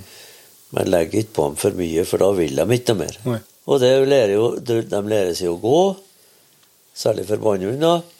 Du bør ikke gå inn i kjerrene, da hektes i kløven tid, og, og gå rundt tælen i stedet for å gå Du lærer mye med at en har kløv på. Ja. Da kan du være med på hele året. Hele sommeren. Nei, så det er trening, god trening. Veldig god trening å bruke kløv. Du nevnte et stikkord i stad, i år, at du fikk smaken på løshundjakta i Sverige. Ja. Når du begynte å, å trekke til, ja. til svensken og jakt. Det er jo slik at i reindriften så er vi jo veldig samme familie, hele reindriftsfolket, enten med Sverige eller Norge. Og svenske samene de har jo elgjakta på sine betesmarker. Ja. Slik er det i Norge. Men i og med det så har du kamerater overalt, da. Ja. Allstads. Kompiser. Jeg var så heldig at jeg var veldig gode kompiser med to som hadde mye elgjakt. Så jeg lurte jeg på, for da var jeg enda interessert i å lære mer og mer med løshund. Kunne jeg ikke så mye om det. Det var ikke noe løshundjakt der jeg bor, på Røros. Var ikke noe løshund. Ja, nei, det var bare å komme, det, for de begynte den 5. september. Mm. Første mandagen i september startet jakta i Sverige. Ja. Lenge før vi har tenkt på det her. Ja. Så det var å komme, og det var Det gjorde jeg jo. Pakka og for dit. Og jeg var med og jakta faktisk i 23 år. Og bare med løshund. Jeg hadde med meg en bannhund. Det skjønte de jo ikke noe av, så det gikk an å komme inn på en elg med en bannhund. Ja. Og jeg gikk nå til skogen i morgen, jeg som alle andre. Jeg hørte jo der losene sto alle steder, og det var jo fascinerende sted. Men jeg kom inn på elg, jeg òg, som får med de bannhundene mine. Og jeg kom hjem om kveldene, så var jeg noe blodvåt, jeg, som flere andre var. Det forsto de ikke noe av, for de hadde ikke hørt et enda skall. Skjønte ikke at de hadde fått i elg. De var tilfeldigvis ikke hørt smellene, da. Men det var det jo. Ja da. Så det Nei. Men det fascinerte meg såpass, denne løshundjakta på den tiden. Vi hadde jo ikke noen peilere heller. Jeg fikk til faktisk en peiler ganske tidlig etter første som kom. Men du vet, det var jo nesten håpløst. Du visste ikke slags retning du fikk inn hunden, ja. Men var han sørover eller var han nordover? Det var litt gambling. Det var vanskelig, ja. Måtte prøve å gå bak noen bak og skjerme, altså kom bort Ja. noen retning. Det eneste måten å finne ut det på. Ja. Nei, jeg fant ut det var noe hersk. Kom faen ikke på rett sted. Nei. Det hendte jo ble såpass avstand at jeg ikke hørte losen, og da måtte du finne på noe annet. Ja. Men de kjempa inn til av de gamle jegerne i Sverige sa det at det tok ut uttak at meg og elgen for over nå også, over i lite fjell. Fortalte de det over radioen? Ja, sa han, men han, hvis du tar bilen og kjører rundt en sjø, kjører en fem kilometer dit, og stanner der, så får vi høre hunden. og det gjorde jeg. Ja. Hvis jeg foran når det sto stoppa der. Ja. Det slo til, det. Så jeg fant naturen. Elgskaut, ja. Og, og det var litt artig ut, den, akkurat den episoden, egentlig, fordi at jeg kom innpå. Og vi hadde jo frie dyr, vi kunne skjøte elg. Villa spilte ikke noen rolle. Jeg så jo ei ku. Og jeg lette, og jeg så faen ingen kalv, vet du. Nei, tenkte jeg, ja, ja. Til slutt så bestemte jeg meg, så skjøt jeg den der kua. Og der sprang jeg og støfte seg mellom to store bjørker. Kila seg fast ned. Faen, tenkte jeg. Kom dit, nei. Her klarer ikke jeg å få løs. Jeg hadde øksa nå med meg da. Nei. Her sto jeg der og grov i hodet en liten stund. Og så får jeg høre kommer gående en gubbe nedenfor meg. På naboterrenget. Det var ikke samme folket det var. Ja. Han trodde det var hans hund som hadde stått i lås. Ja. Så han gikk på den, han òg. Han var ikke langt unna den smale, han. Da ble vi to, og da klarte vi oppe. Da fikk vi ordna til oppelgen til til magen. Så det er mye rart i elgskogen. Når du var borte i Sverige, for du har hatt både gråhunder og hjemtehunder Ja. som, som løshunder. I Sverige var det mest av bare hjemtunder, vet du. Ja. Det var, for de jakta jo til jul de, allerede da. Jeg slutta jakta sist oktober, ferdig med det. I Sverige jakta de til jul da. Og det er klart, det der centimeter lenger hjemtundsføttene var, det utgjorde ganske mye. På snøen, ja. Det var jo helst det som gjorde at det ble mer hjemtun. Ja. Og så hadde de skropar mål, fikk jeg høre. Ja.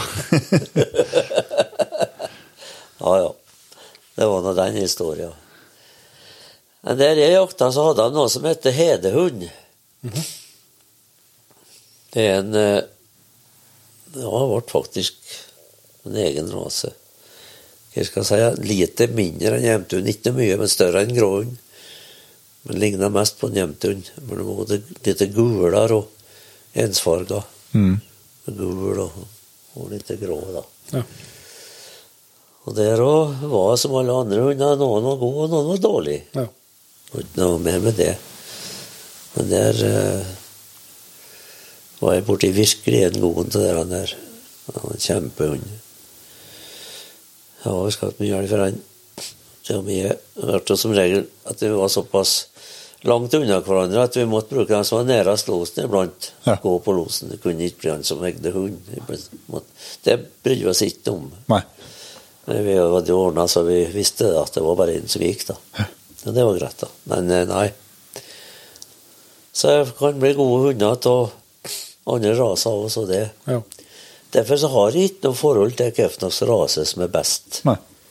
Det er så individuelt at jeg bryr meg ikke om det. Nei. Bare en god jakthund, så interesserer meg ikke så mye. Og det jeg har fordeler med når jeg har vært dommer. da. Noe rase? Nei, det er ikke så interessant for meg. det. Hvis hunden gjør en skade som jakthund, så er det det som teller. Det er godt nok, ja. Ja. Så da bryr vi ikke så mye om det. Da, da legger vi den debatten død for denne episoden. Ja, det er bare å legge den død, for det er, det er sikkerstikk. Det for jeg har prøvd alle rasene. Ja. Det er ikke noe farlig med det. Om Men, ikke jeg eh, har prøvd dem sjøl, så har jeg i hvert fall dømt dem som Ja. jakthunder. ja. Nei, det må vi bare, bare glemme bort.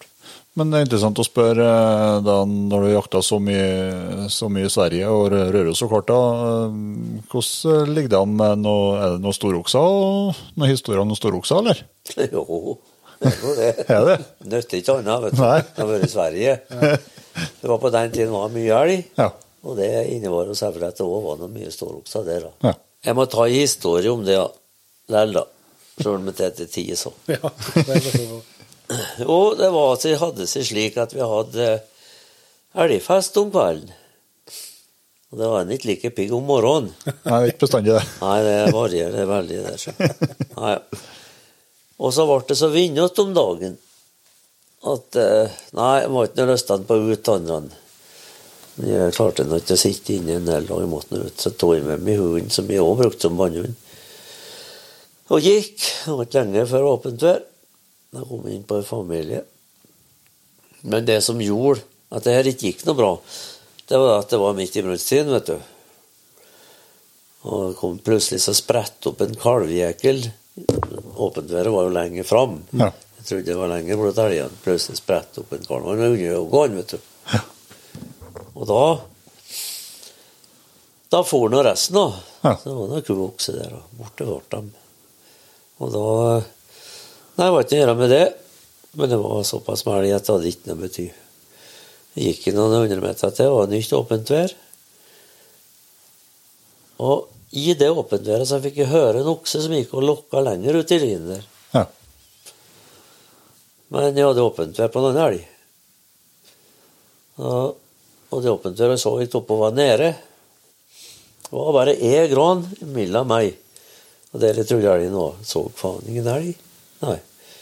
Plutselig spredt opp i kviga som lå bak granen. Og fer. Denne kviga fikk jeg ikke noe tak på å skjøte på. Men det var fortsatt fullt åpent vær, og da fikk jeg høre at en oksen ute i linen lokka. Da tenkte jeg, renner ikke noe over ennå. Var ikke gått noe mer enn et par hundre meter, så fikk jeg se. Det være fire elger jeg så. Tre kyr og en stor okse. Det er nokså vanlig at storoksene har med seg flere kyr. Og der han var på vei imot meg, egentlig. Da tenkte jeg, her er om å gjøre å ordne seg, så jeg kanskje skal klare å ta den oksen. Da hadde jeg kikkert, radio, og jeg hadde vel enda noe mer remedia hengende på meg. Tenkte jeg nå, nei, jeg skal ikke ordne meg slik at det blir noe metalleven når jeg begynner å skal ordne meg til å skjøte. Så jeg tok av meg den sekken hadde jeg òg. Jeg har bestandig en liten sekk med meg. Mm. Tok av meg den og hadde av meg alt i hop og la alt ifra meg der òg. Hele greia. Ja, vi var forberedt. Oksen kom nå han på laglig hold, og han, han var under 100 meter. Jeg tenkte nå slipper jeg faen ikke noe lenger, nå skjøter jeg. Lite grann skrå mot meg, altså. Var ikke aldeles som det skulle være. Jeg skjøt og så han fikk det, der var ene foten i været. Da tenkte jeg det var greit det der. Og da kommer dumskapen fram, vet du. Ja, elgen og oksen fer oppover her, og ikke så veldig tjukk. Jeg skjøt- ikke mer på en elg. Jeg var sikker på at den hadde fått nok. Ja. Ja, og jeg satt nå der med hunden. Han var rolig, han. Men en fer som blir borte for meg. Nei, jeg tenkte faen, jeg slipper hunden. Men det jeg ikke gjorde, jeg gikk ikke bort på sporet etter oksa. Nei. Han hadde fortsatt åpent vær på et tre kyn, han, vet du. Ja. Da gjorde jeg en gedigen tabbe. Ja, hun for han og der barnet over lia og lå svarte. Men det var ikke dit elgen oksen har sprunget, for det visste jeg jo. Andre veien. Der sto jeg. Uten hund, uten kikkert, uten radio, hadde ikke noe. Og så en påskutt storokse. Da ligger jo tynt an. Ja, ja, ja, ja. Ikke noe. Eneste jeg hadde hatt, jeg hadde en liten kniv på meg. Det var egentlig den jeg spikka kjøtt, men det så tørrkjøtt, egentlig. Men jeg hadde den med meg, ja. Den var nå på meg. Nei, der står jeg. Nesten tåkledd, da. Hadde ikke noe å hjelpe meg med. Da føler du liten, da. Ja. Nei, jeg må nå begynne å gå imot den der plassen jeg så oksen sprang, da. Luffa henne bortover der. Jeg har ikke gått så mange hundre meter. Fikk jeg begynne å se han lå på en bakke. Han ble nå der, da. Ja. Ja. Ja. Hunden min sto langt i lina og lå sånn. Ja. Hund. Nei. Jaha. Jaha, da, ja. Hva jeg gjør nå? Jo, jeg må prøve å få til magen. da. Og det her var såpass sent at når jeg trekte opp magen, så var det ikke mye nivå med den. vet du. Nei. Midt i brunsttiden. Det er ikke det, da. Nei, og der klarte jeg nå, ha en jækla stor okse. Jeg klarte nå omsider å få til magen, og jaha. Og så skulle jeg ned vei og finne at sekken min og utstyret Fant ikke igjen noen sekk og utstyr. Nei. Fant igjen det. Jeg begynte å være sent på ettermiddagen, begynte å bli mørkt. Jeg hadde en seks kilometer å gå på byen. Nei, det er ikke noe å holde på med. Pakka jeg opp og gikk rake veien til bunnen. Kom nå dit etter, det var mørkt, da. Nei, jeg måtte nå bare fortelle som jeg var til, og ikke gjøre med det. Og ja, slik ble nå det. Nei, vi måtte nå Nei, jeg fikk ringt, ja, for der var jeg faktisk fasttelefon. Så jeg var dit igjen om natta og fikk kjørt ned elgen. Det gjorde vi, ja. Ja. Det gjorde vi, så jeg fikk den ned i bygda til slutt. da. En av kompisene mine og Vi fant igjen elgen, da. Verst bare det. Ja, ja. Men så ble det jo en dag etterpå. Jeg måtte jo finne igjen hund, og måtte jo finne igjen eh, sekken og utstyret mitt. da. Men så kom det en til andre tidlig om morgenen før vi hadde stilt opp. Da han hørte hunden min, han, i los. Han hadde en valp som han skulle gå. Han skulle faen meg slippe hunden sin valpen på losen fra der han stått hele natta. Tenkte, Det var noe match, da, tenkte han. Og tid før han kom innpå, så slutta hunden å lose. Ble ikke noe mer. For kom ikke inn på noe sånn her. Og rolig ble det. Så kom han da, Det gjorde han før han kom opp i bua til oss. Nei, Så sa jeg at vi må nå være og lete, sa jeg. Noen finner at der. Vi hørte ikke noe mer hund, eller bom rolig. Det var noe jeg lette, så gikk vi manngård. Vi var fem stykker som gikk i bredden slik. I det området var jo ikke verre enn det. var såpass kjent at vi visste hva vi holdt på med likevel. Mm. Plutselig så får jeg pinadø se hvitrumpa til hunden. jeg. Der Han lå selvfølgelig igjen med sekk og alt utstyret. han. Ja, ja. Der lå hunden. Var et alt på sommerrom. Så det var litt av en historie. Oi. Nei, det endte bra, den òg. Fant fant alt på en gang, da? Alt i hop på en på samme plassen. Ja. Hvor mye tagger var det på oksen, da? 15. Ja. Du kan få se den før du igjen. Ja, det skal jeg gjøre det. da. Men den var vel, og det var litt sent ut i brunningen òg. Han var nå vel over 270 kilo da. Ja. En som har vært over 300, vet du, før han begynte å brunne. Ja, ja. Jeg har hånda, det er vel Jeg tror jeg ble Ja, mordet. Ja.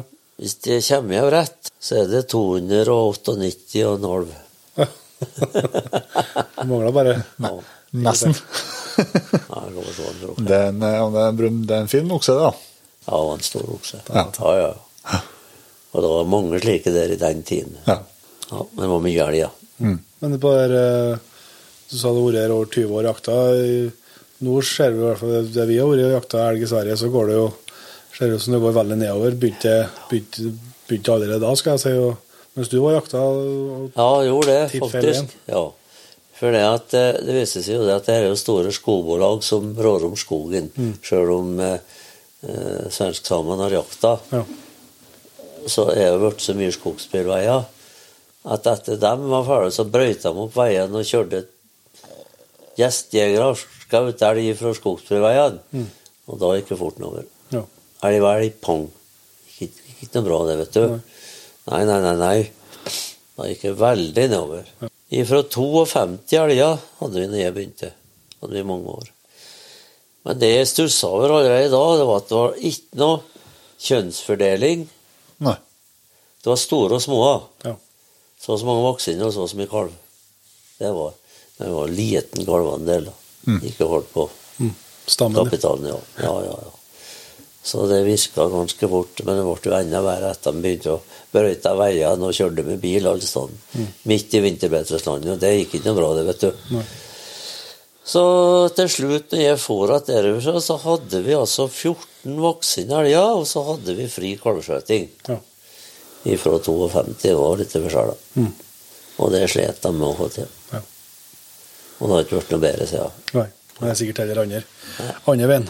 Så det var ikke noe særlig det, da. Men for hard avskjøting på ky, da, selvfølgelig. Ja. Og som, eh, som det var, så hadde de eh, kviget så skitt på den kyen lenge nok, så ble de små nok. Da het det kvige alt. Det var ikke noe bra, det. Så. Hvordan er det med storokser omkring her? Er Det er sånn- ganske bra med storokse her. Ja. Ja, det vil jeg si. Det er utrolig mye bra storokse. Ja. Men vi er veldig var med å dele ut på kvotene, da, Ja. storokser. Og vi har en bra oksebestand. og vi har Nei, det vi har riktig ut bra med storokser. Ja. Det bitte lille terrenget jeg hadde, så hadde vi jo en fast okse der. og vet det 12 eller 15 dager på en stor okse. Det var hele jakta. Så nei, vi har, og det er mange rundt det som skjøt. Det er en få som har oks, Mm. Så nei, så det, og noen skjøt jo feil, da. Skjøt jo en fjording som er vel stor, og da blir jo stor okse. Ja. Da er det flere som sparer livet. ja, men det er jo sånn Ja, ja, ja. Kommer du, stikker du hodet ut av skogen og har eh, to eller fire spir at det er litt stusslig på hodet, så smeller det, vet du. Gjør det så? Ja. Og da være med dem som er større og lurer. nei, altså, vi, nei, vi har forvalta bestanden her utrolig bra. Det, det er i hvert fall mitt syn på det. Ja. Det har vi. Men vi har messa så mye om det her med at det er kua som er banken. At eh, folk skjønner at å dra og skjøte ei ku, det, det sitter langt inne. Ja, Og det hjelper på bes- elgbestanden i hvert fall. klart det. Men vi skal være litt på vakt så det ikke blir for mye elg. da. Ja. ja, det er jo det å, å rekke å reagere og gjøre noen ting både på tur opp og på tur ned. Som er, Ja, det er fort å være på etterkant på begge ja det er sant. Jeg liker likeens begge veier. Skal være litt forsiktig.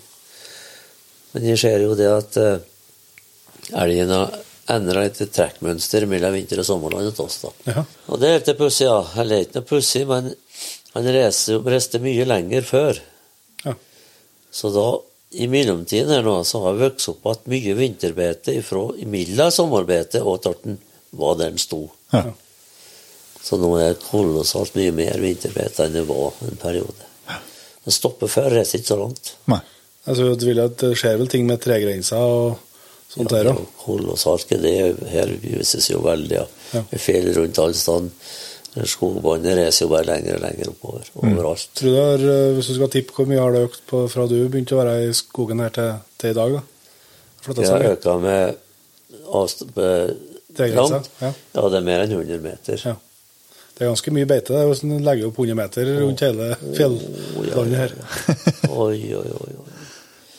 Ja, det blir mye. Ja. Ja, det er ikke noe tvil om det. Og det finnes jo snart ikke det husdyr i skogen. Nei. Nei, det gjør det ikke. Så det er jo i tillegg. Mm. Ja, ja, så det er har, har, man, har, man da, har man da differensiert sånn at uh, det her eh, såkalte tellende elgarealet har flytta seg oppover òg? vi har, vi har justert det noen ganger, ja. Ja. Vi har gjort det. Så det, det blir Men du vet, det her i utgangspunktet så var det jo 5000 mål per elg. Ja. Så det er klart det var høyt. ja. Nå er vi på fire. Fire-to. Og vi vurderer også å senke den litt bedre, da. ja. Fordi vi må prøve å passe på alt det her sammen, da, vet du. Mm. Jeg sier det, det har ikke noe å si det hvis du skjøt bare titt av tilveksten, ikke begynner å tette kapitalen. Mm. Så er ikke det så farlig, det. Det har ikke noe å si, det. Nei. Men Det eh, tror jeg. nei. Her, eh, og så har vi jo da et annet problem på Rosomia, ser jeg. Utfordring, kanskje du skal bruke rette ordet. Mm. Det er at jakttida her slutter siste oktober. Og så har jo hele Østerdalen og sørover er jo jakter jo til, til jul og til og med ut i januar. Mm. Og mye av den elga der skal dit på vinterbeite. Mm. Og da mener jeg vi er litt ute å kjøre over at å vite hva status neste år elgen kommer igjen, det vet ikke vi noe om. Vi jakta på samme bestand etter vi har slutta. Mm. Det liker ikke jeg. Er ikke noe god politikk. Og det der er litt dumt, da. Fordi at eh, i utgangspunktet så er jo rett Det heter jo dette nye viltloven at du skal forvalte det viltets leveområde. Som må slå over både sommer- og vinterområdene, da. Mm. Men så er det bare at vi har helt ulike syn på den elgen, da. Mm. Det er litt eh, synd, da. Men jeg tror det må være mangel på kunnskap, etter mitt skjønn. Det er synd. Men det er klart, når du flytter her ned på hver grunneier og skal mene noe, da blir det vanskelig. Ja, det blir det. Rett og slett vanskelig. Vi har så stor forskjell på kunnskapen vår at vi Nei, det, det skulle jo være overstyrt. Rett og slett og forvaltere som kunne det de snakker om, Mm. og som setter ut i livet. Det er, ikke noe, det er bare det er min mening. Mm. Så får jeg nå hva jeg vil. Jeg tror ikke det er noe annet. Det er litt for enkelt at meg som følger med denne bestanden hele året rundt. Kan lite mer om den etter hvert. Ja, for det, var du inne på før vi prata her, altså den, med, med den livserfaringa si, med, som, som reinheter i, i så mange år. Ja. Du har jo vært mye ute i, i feltet, altså fjellet og skogen. Eh, og følg, altså, følger jo, du får jo følge med mye mer enn hva Ja, det er jo nesten ingen som følger med så mye. Både sommer og vinter og har den interessen attåt for hund og elg i hele tatt. Så det er klart da du er på hugget hele året og følger med elgen. Jeg kommer på ett år like før jul. Og da elgen begynte å trekke mot Femundsmarken. Og da kommer den jo ren og samtidig, så det er jo hummel og dummel alt i hop. Men elgen og venstre sitt til snøscooterne bryr seg ikke om dem, De er så vant da, hører jeg. Ja.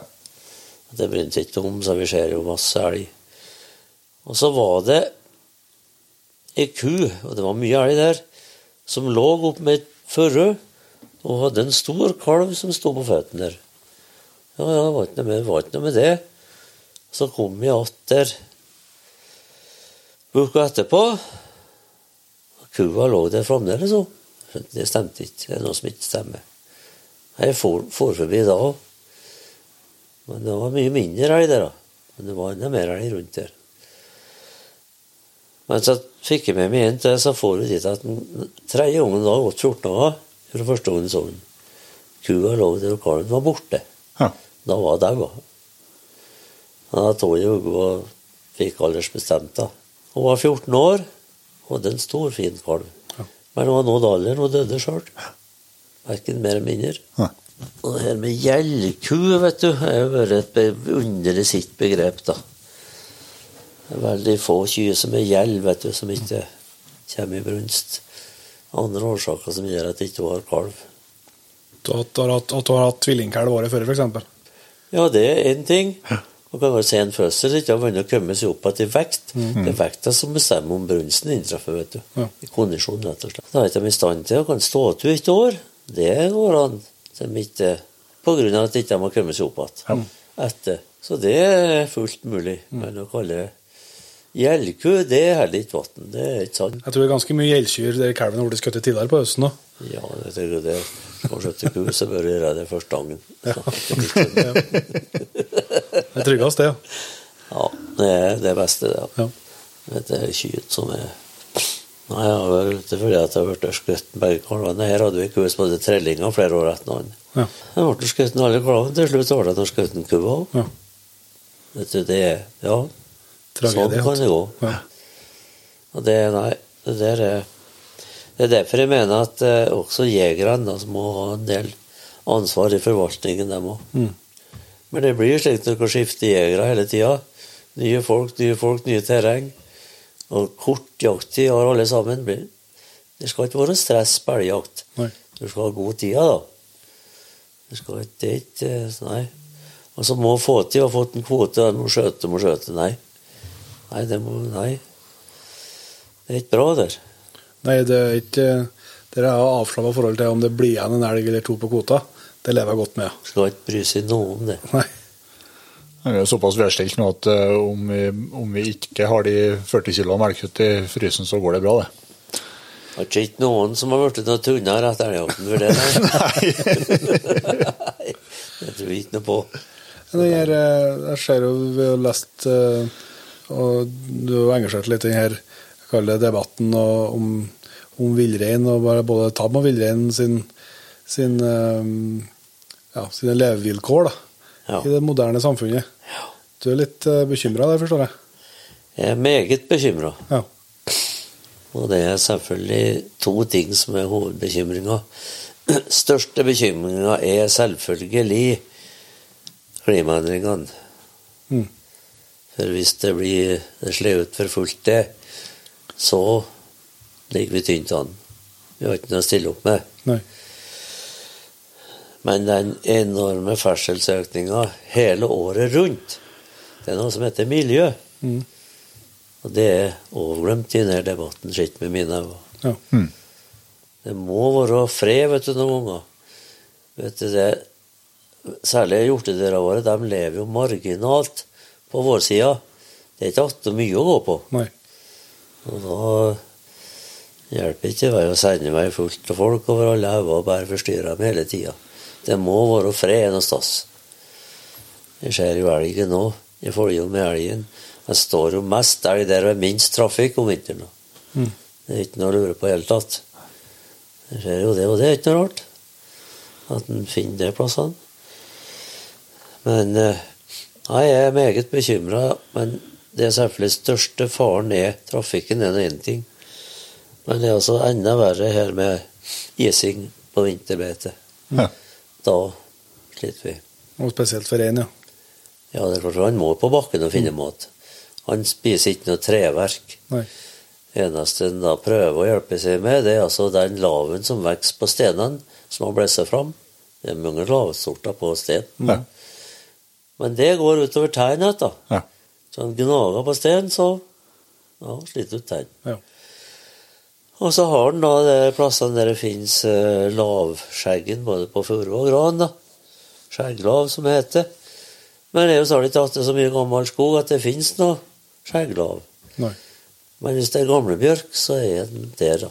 Mm. Og der er både lav og Både på stammer og på grenene. Ja. Men eh, ja, skjer om vårene når det blir, begynner å bli skåret og hardskåret, har resten i liene og måles på bjørkeliene. Og mange folk som kommer til meg og lurer på sier vi eten bjørken er ren vår. sier de da. Den står og sleker Ja, ja. på bjørksida.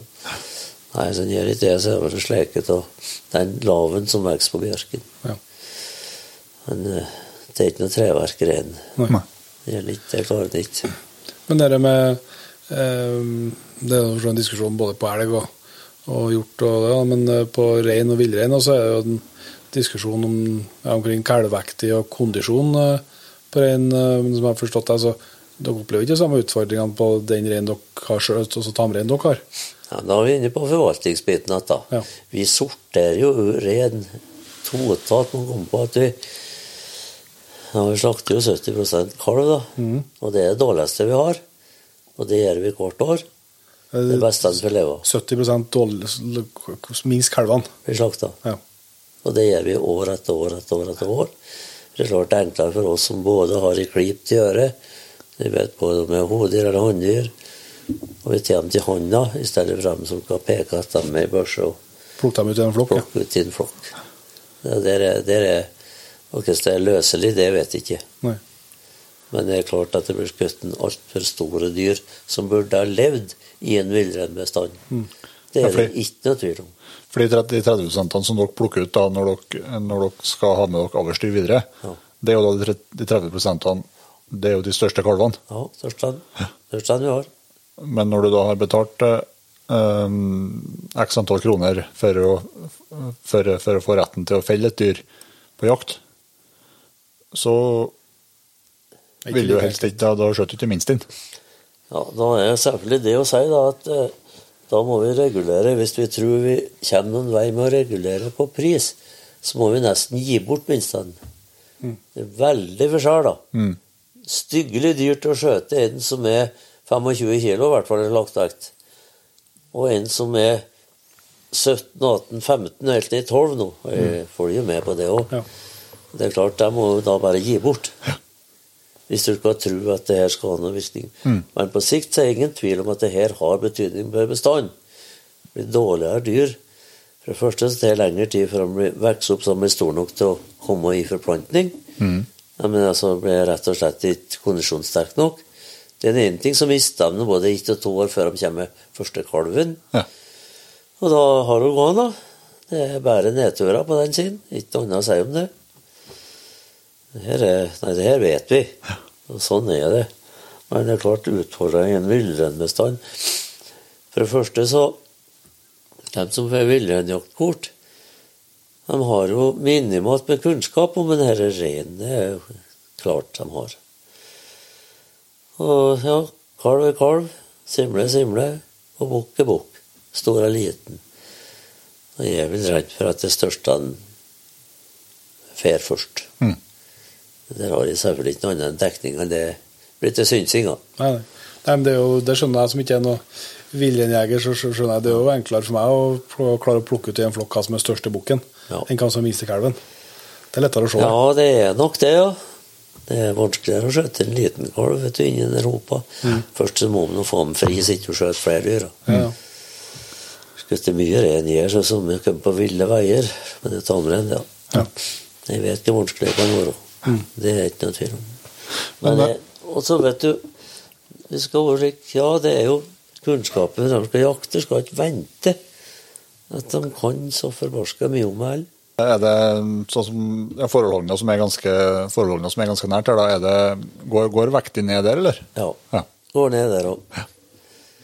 Og det er jo der de har eh, største inntektene på storboka, da. Mm. De private som selger rettighetene sine. Men jeg er redd det går gjennom hele bestanden. Ja. Største blir skutten. Ikke helt konsekvent, men jeg er redd for at snittet ligger litt grann over på den som skulle ha levd, ja. Jeg er redd for det. Mm. Men her, altså, jeg har, ikke statistikk, altså, jeg kan ikke Men vekta går ned. Ja, men vi, vi er her for å høre dine meninger, vi, vet du. Ja, det sier vi det jeg mener, jeg. Ja. Det er hva de vil med resten. Utenom det. Men I, i reindrifta så har dere ikke så mye, så mye storbukker. Vi har jo ingen her da, som er noen få, fordi at eh, vi har jo ikke helt samme syn alle på det. eller? Nei. Noen vil jo ha noen storbukker, det er noe greit. Vi har et nabodistrikt som har ganske mye bukk. Ja. Og det er jo noen av dem som kommer inn til oss òg. Ja. Det er noe som heter å ha seg framunt. Hvorfor vet ikke jeg, men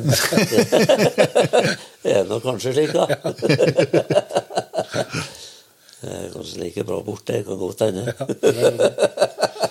Ja, ja, men eh, i hvert fall så Men minimalt, for vi bruker dem ett år som avlsbukker, så slakter vi dem. Fra en nye neste år, for dem er kalv om vinteren. Og så fullt ut tappabel til høsten. Ja. De er ikke halvåringer. Fullt ut. Ja. Genene er medfødt. De kommer ikke med alderen og størrelsen, egentlig. Det er medfødt alt der. Den er ikke gjort noe med. er sånn eh, altså, Du snakka om kondisjon og brunsten.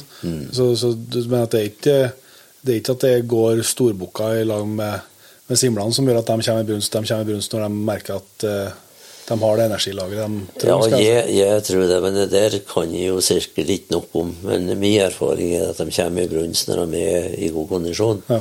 Til rett tid. Ja. Det er jeg sikker på. Eller er rimelig. Jeg mener det. Ja. Det er slik. Men det her, det her jo forskning på. Jo, jo. Og den biten er jeg sikker på at de vet mye om. Ja.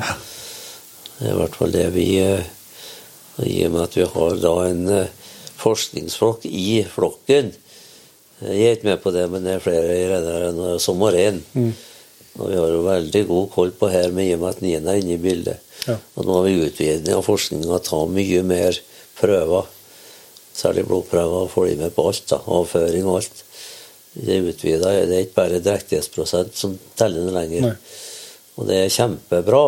For det er klart det er mye enklere å forske i en tamrenflokk der du har ren innstengt og får ta med sånt. Eller som å koste på kanskje en, en sender fra Foljemen en du skal forske med til en villreinflokk. Som koster 20 000 først og fremst å henge på den senderen. Det slipper vi, vet du. Ja, ja, ja. Det behøver ikke. Så Og jeg mener jo bestemt at om den heter tam eller vill Ren har ingenting å bety i hele tatt. Den har samme behova for mat, samme behova for fred og ro, og samme behova egentlig hele veien igjennom ifra den kommer til om våren og tar den. Skal enten skjøtes eller slaktes. Spiller ingen rolle. Og blir det for mye, så vil den være der ren. For mye stress og mas. Og så vet jeg, altså, Du var jo inne på noe annet om det her, altså, der det gjerne er det, en, en villreinstamme. Så, så er det jo gjerne et, eh, et vern av en type slag, også, enten eh, nasjonalpark eller, eh, eller annen type verna område. Ja, og det er et minus etter dem som bor der, etter mitt skjønn. For vi skal jo putte full med alt mulig andre aktiviteter i de verneområdene.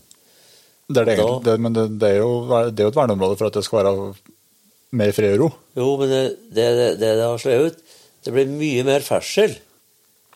Så det er ikke en hensyn nok til dem som bor der, Nei. etter mitt skjønn. Sagt med klare ord og greit mening. Mm. Og det er mange som bor der. De blir ikke nok til en hensyn til, etter mitt syn. Nei. Nei, det gjør ikke det. Nei, for det, det, ser du jo en del også for mange nasjonalparker at det, det, det er en bra karusell med, med, med turstier og, og og tydelige tydelig tegn til ferdsel. da. Det er kolossalt. Det har endret seg noe enormt i mye lange tider. Ja. Det har blitt mye mer ferdsel, mye mer stier. Og mye mer tilrettelagt. da. Ja. Så ja, ja, det er min mening at det har blitt Vi må nok Vi kommer nok dit at vi må styre fri ferdsel òg. Men, men samtidig så er, jo, det jo, så er jo bra at det er flere og flere som vil bruke naturen som, altså, som friluftsliv òg. Kjempebra. For ellers lærer jo ikke noe om den. Du må ut og, og bruke den. Ja, ja, det, det må den.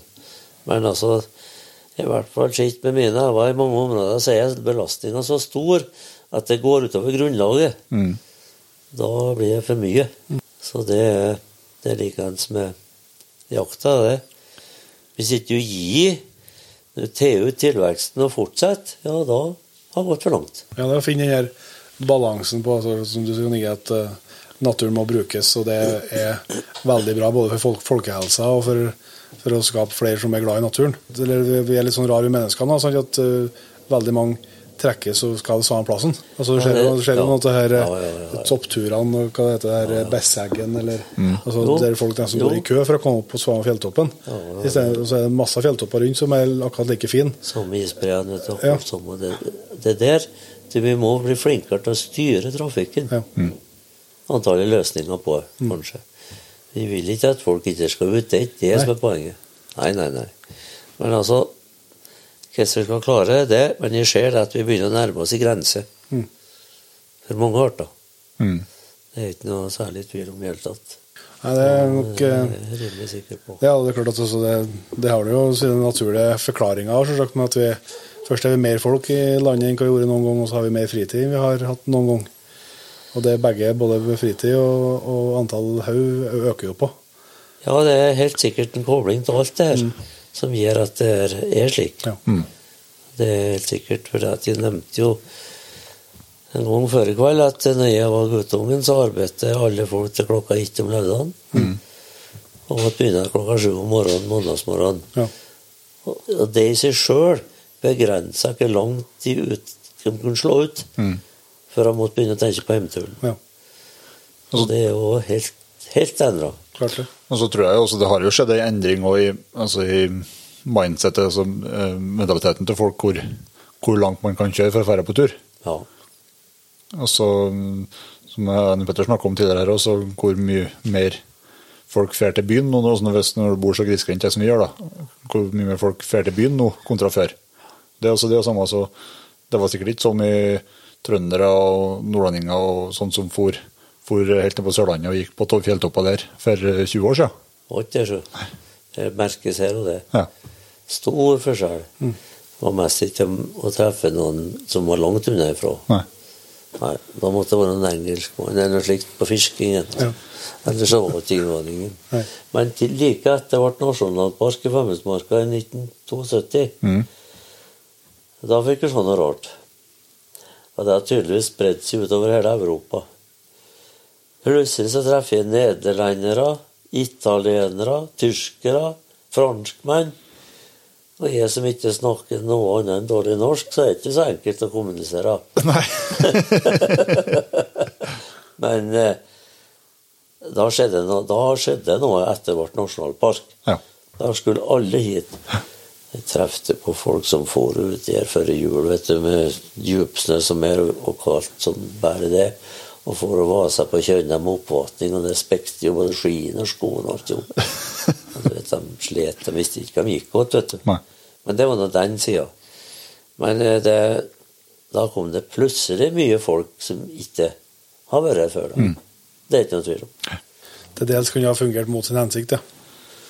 Ja, noen ganger så føler jeg det, da. ja. Jeg forteller en fæl historie som jeg tykte. Vi hadde renvår i et fjell om vinteren. Og vi hadde gjeterhytte fem-seks kilometer lenger unna. Og jeg forsto ingenting, for det var bra beta om vinteren. Og reinen kom bare att. Den hver eneste morgen. Og jeg skjønte ikke å få dit at med den. Nei, det skjønte ikke. Til slutt så, så for jeg rundt og kom fra den andre siden. Og da var det seks tyskere der som gikk med pulker og tryger. Og så hadde de aluminium til pulkene. Ja. De skulle fotografere den hver dag, vet du. Ja. Og gikk etter den ramla og smalt de der jækla blekkpulka. Og det gikk ikke an å være der, vet du. Da for de derifra. Så og vet, de gikk til det ren grev, fullt av høl. Ja. Og der smeller jo og dundrer når det kommer en blekkpulk. Det var aluminium til den. Men den ramla og small, vet du. Så det var ikke noe rart at reinen ikke ville være der. Nei. Så jeg fant årsaken. Ja. Men det var noe i uka, så ble de noe for at de får dem noe derfra. Men det er mye rart som kan hende når ikke For de skulle komme ned og ta mer bilder, men så for bare bortover. Ja. Etter så da Ja, ja. Det var en historie. Vi må litt innom Du Det var jo det var i innledningsvis snakka så vidt om og du har hatt, har hatt mye verv. Eh, Vi så jo uti når vi kom inn her at det hang noen plakett eh, som er æresmedlem av Røros Jeger og Fisk. Ja da. Jeg begynte tidlig. og Engasjementet for jakt og fiske vet du, det hang jo til interessen sjøl min hele veien. Ja. Og det som kanskje var største interessen som vi fikk med meg i tidlig alder, det var at foreninga her hadde et eget klekkeri. Jaha. Og det innebærer at en måtte stryke rogn om høstene. Og plukke dauerogn om vintrene. Og slippe ut yngelen til damma og ta den om høsten når de tok på som er blindsild. Og ut og slippe. Det var et engasjement hele, hele året gjennom det. Ja. Der var virkelig et kjempemiljø. Ja. Og dammene som vi slapp ut, de måtte holde i orden og, og ryddes opp og ordnes. Stor aktivitet. Og aldersgruppene var fra små unger til gamle gubber. Ja. Et eventyrlig miljø å vokse opp til. Og lærte mye om mangt, da. Ja. Eneste var lite handikap om høstene når vi kom så langt at de skulle slippe ham, da. Det var ikke alle som skulle man skulle bære ut fisk, da, vet du, mange. Og slippe til det, det var, det var bestemt, det. Men det var ikke alle vi fikk følge og så kom slapp dem. Men.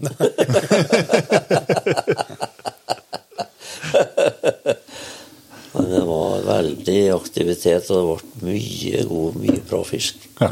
Og var skikkelig fiskeutlevering. Men du måtte jo passe på at det ikke ble over folka, selvfølgelig. Mm. Men vi hadde jo prøvegangsserier og fulgte med ganske godt, da. Gikk jo greit i det som minste vatna, for der får du noe med. Vært i de store vatna. Men eh, nei, det var virkelig i i fin tid Ja. i foreningssammenheng. Vi snakka selvfølgelig ikke bare om fisk, det ble om alt mulig, det, vet du. Ja, ja. Det samla så mange generasjoner i en dunge. Fantastisk. Du vet, bare møtene vi hadde i foreningen, var full sal hver gang der. Og det savner jeg. Ja. Det gjør jeg. Jeg savner det, for nå er ikke du der nå, vet du, så Får du er ikke med på noe. så du er på PC-en, nei? Nei. nei. Og ikke sånn der telefon Ja, det er over å si tye, da, men Ja. det er midten. syn. Nei, i jeg tror det da var det virkelig et uh, jordnær lærdom. Ja. av dem som virkelig har vært med og prøvd og kunnet. Mm. Det må jeg si. Men jeg vil jo tro du har, du har eh, hatt en påvirkning på Røros Egerfest du, da, med, med så mange med så mange års eh, engasjement og, og endte opp med æresmedlem. Og, Ja da.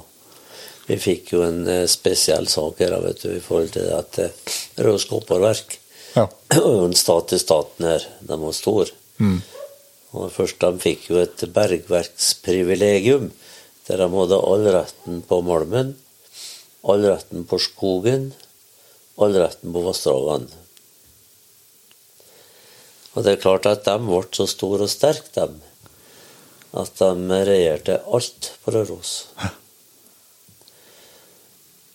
Og de hadde jo der eh, sirkumferansen sin, ja, som gikk tre mil i rundkrets rundt hele Røros, Ja. fra funnstedet som var Storås.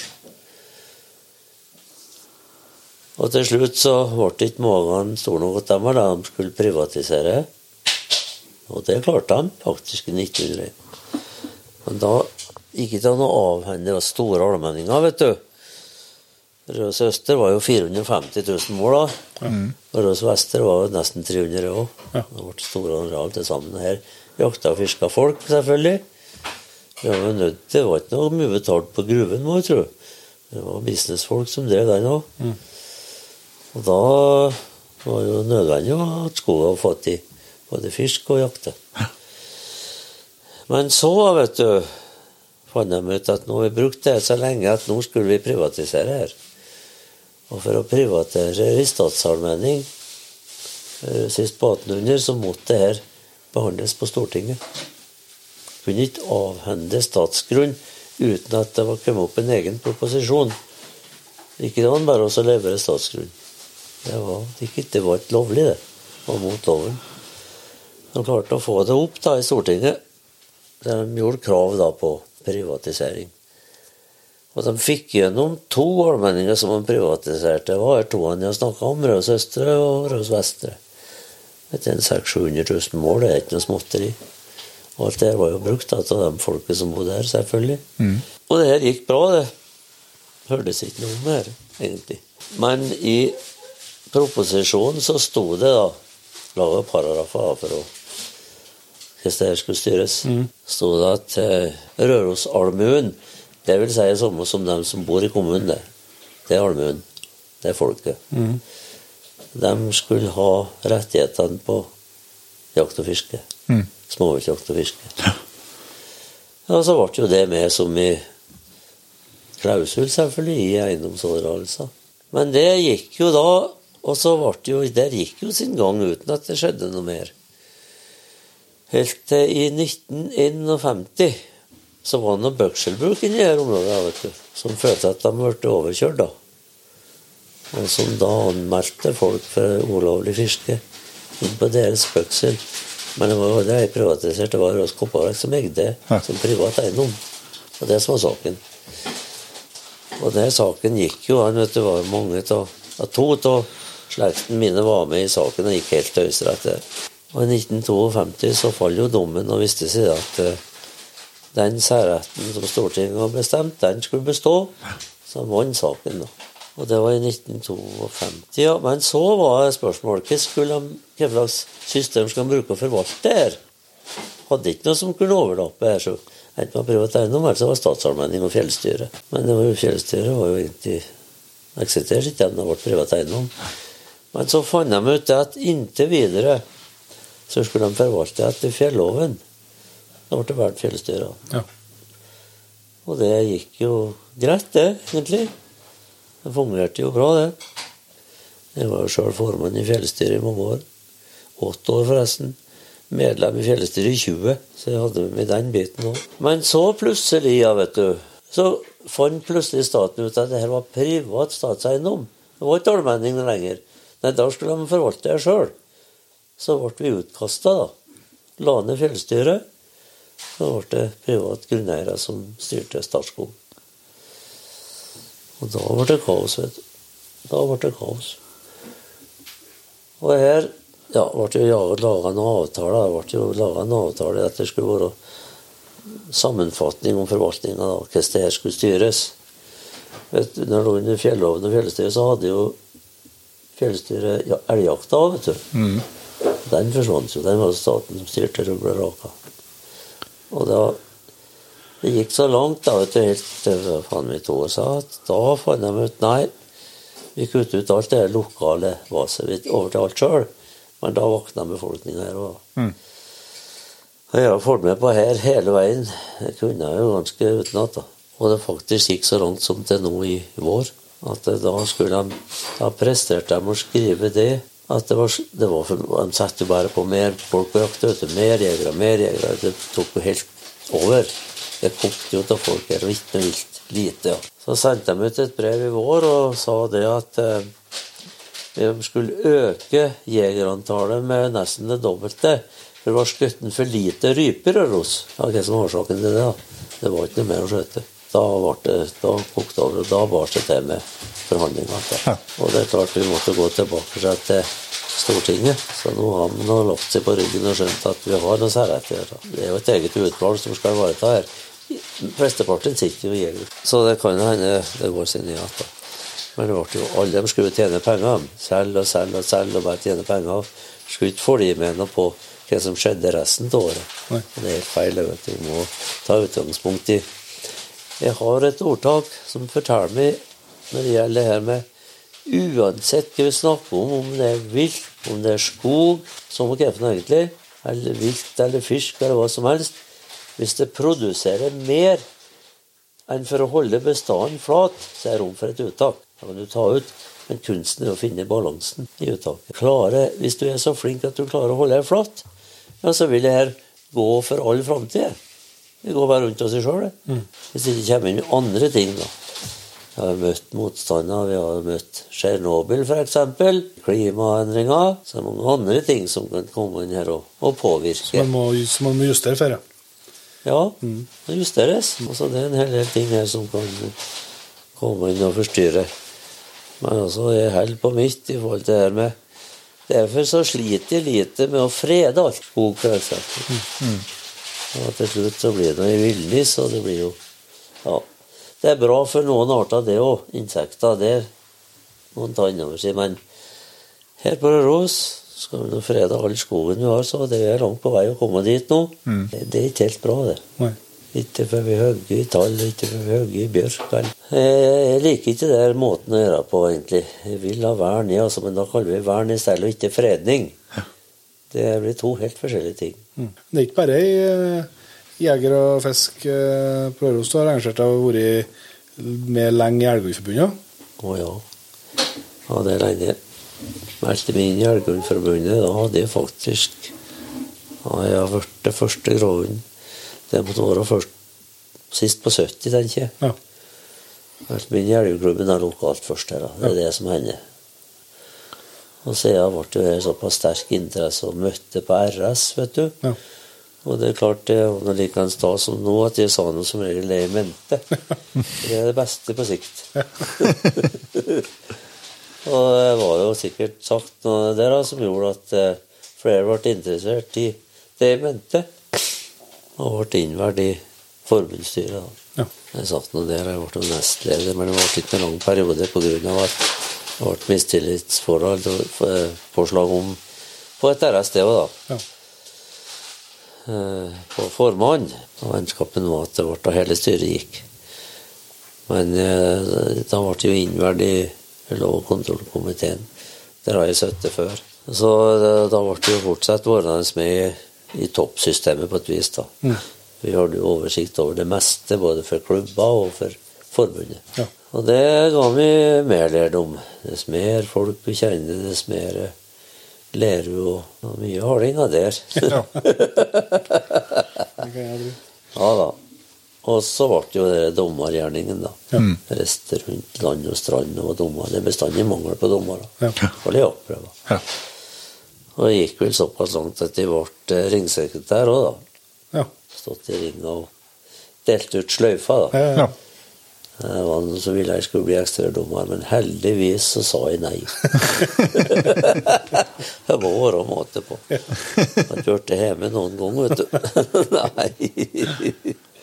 Nei, vi skal Vi har fått eh, spurt deg mye, og tida går, så vi skal begynne å runde av etter hvert. Men eh, vi har noe vi har noen spørsmål og litt sånn punkter på slutten som vi bruker å passe på når vi har med oss gjester. Ja. Og da tenker vi må, må vi ha med, Må ta med deg. Og nå har du jo kommet med mye gode tips eh, og triks både som det er hunder og jakt. Men hvis du skal liksom komme med det du syns sjøl er det beste jakttips da, som du kan dele med, våre, med oss og våre lyttere, hva er det du hadde uh, trukket fram da?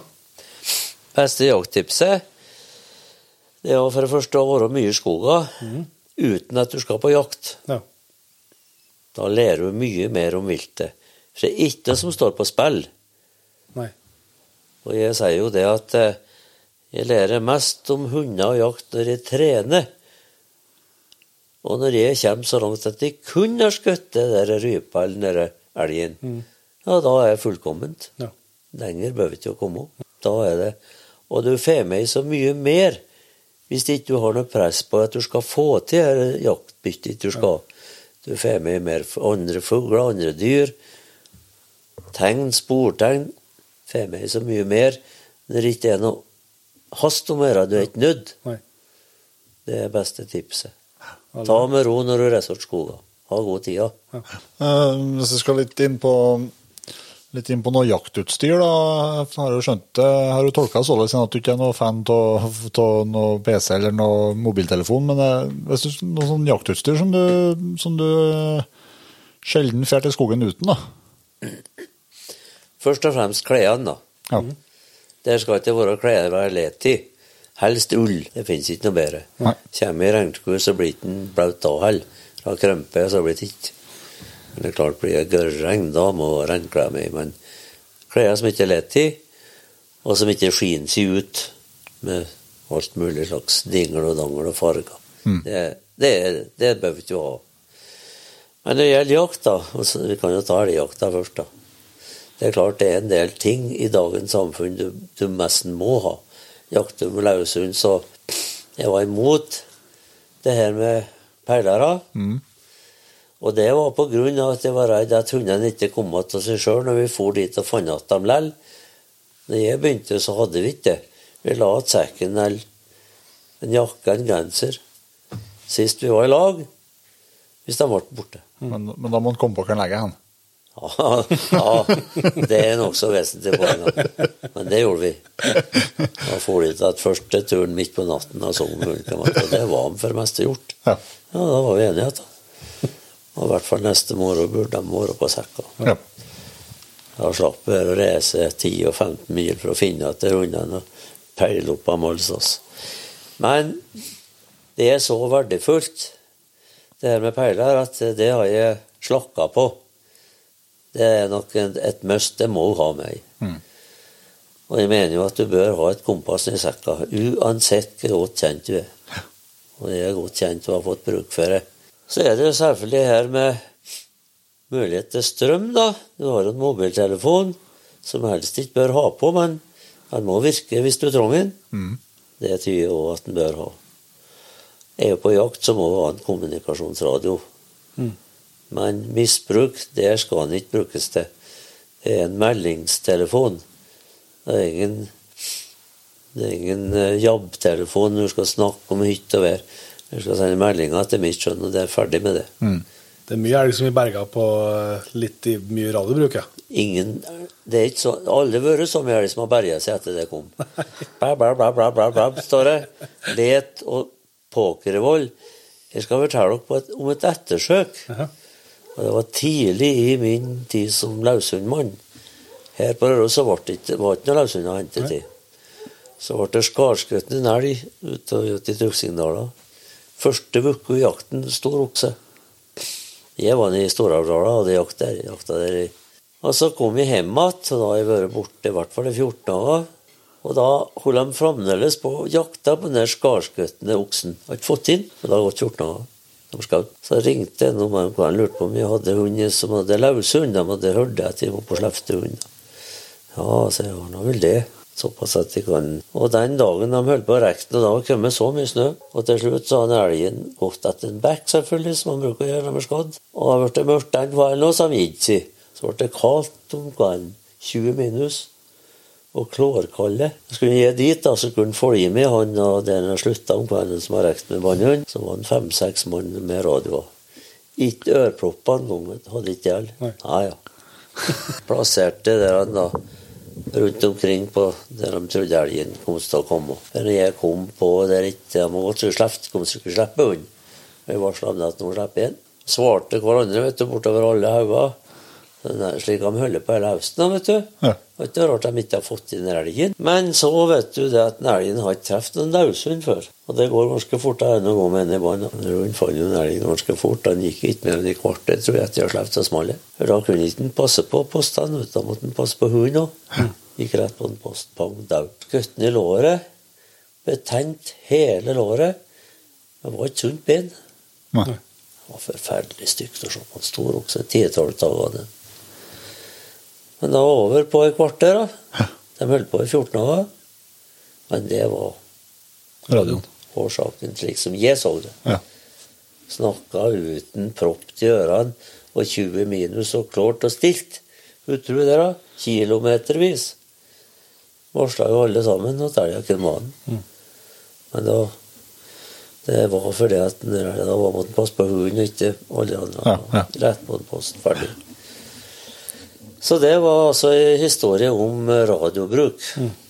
Det jeg skal komme på i. Mm. For det høres langt. ja det. I hvert fall i sånt i klårvær, så Ja, det er ikke måte på. Du, kan, du må kunne her, vet du, så, så vi ikke lurer hver gang. ja da. Og så har jeg bestandig med meg en taubit da, på en 7-8 meter. For skjøt du en elg for deg sjøl, ikke klarer å bitte opp en bakfot, så får du ikke du om her. Det er bestanden i sekka. Det er noe vi bruker for i mange tilfeller. Og selvfølgelig en god kniv. Og ekstra patroner. Da behøver du ikke ha med seg noe mer. Men det er klart ute hele dagen som vi er på elgjakt, så må han ha med seg mat og kaffe. og skal jo kaffekok på en og to ganger for dagen. Det sosiale er viktig for dem i jakta. ja, ja, ja, ja. Og det har med kaffekok og, og tenne opp og varme å gjøre. Mm. Og det Og for ungdommer så er jo lærdom det da, å, å lære å finne ved som brenner til enhver tid. Det er noe lærdom i seg sjøl. Mm. Brenner ikke hvis det regner ei uke, vet du. Da må du vite hvor du skal lete for å finne noe som brenner. Mm. Jeg har bestandig litt øks i sekka. Det har. Det var fast. Nei, og så sekken min er en liten vannmørsekk, og Det ramler ikke noe til han om til borti bort en kvist, for det gjør vi iblant. Men jeg skal komme på han, eh, særlig på elgjakt, da. Ørene der, vet du, er radarer, det. Mm. Det vet vi jo alt om. Han også, han er jo fantastisk, da. Så det er mer utrustning enn der. Men en kompass i sekka, det har jeg bestandig. Ja. Det, det, det er ikke noe bedre, det er ikke noe tungt, ingenting. Nå er det mange som har GPS, og det er vel og bra, det. Men dess mer du har med, dess større sjanse er for at noe ikke virker. og det bør virke. Men har du noen eh, jaktdrøm da, som du ikke har eh, fått opplevd, eller har du fått opplevd alt du har eh, drømt om på jakta? Jo da, jeg har det. Men jeg begynner å bli såpass oppi åra at eh, drømmen begynner å forsvinne, egentlig. Jeg må si det. Men kanskje like mye på fiske. Eh, Jeg så noe program fra Grønland en gang, der de fiska havrøye med flugge. Ja. Fiske. Det kunne jeg tenkt meg å høre på. Ja. For jeg er jo utrolig ivrig fluefisker. Ja. Jeg har ikke brukt så mye tid, men jeg var ikke gamle karen jeg håndterte fluestonga. Det er en av drømmene, men den kommer vel aldri dit. For det første så har han ikke råd. Det er én ting. Og så sliter de med en annen ting, selvfølgelig. Jeg har reist ganske mye på turer i utlandet på ferie. Men jeg kan jo ikke jord engelsk. Nei. Og nå går det snart alt på engelsk. Mm. Vi var i Amerika på tur i nesten var vi i tre, nei, for sånn over en måned. Og absolutt besøkte på høgste hold, til og med Hvite hus. Det er mye rart jeg har vært med på. Elgundutstilling i Amerika. Ja. Ble medbedt Ja. av dommeren som skulle dømme. De som skulle være med, ble ikke med, så hadde en billetter til overs på de og kjerringa ble med til Amerika. Ja. Og de hadde mye slekt, vet du. Vi begynte sør i Amerika og havna lengst nord i Amerika. Det var en fantastisk opplevelse, da. Ja. Eneste som var nedturen, det var i Rocky Mountains. Vi skulle oppi der. For det er nemlig et søskenbarn av han som var med.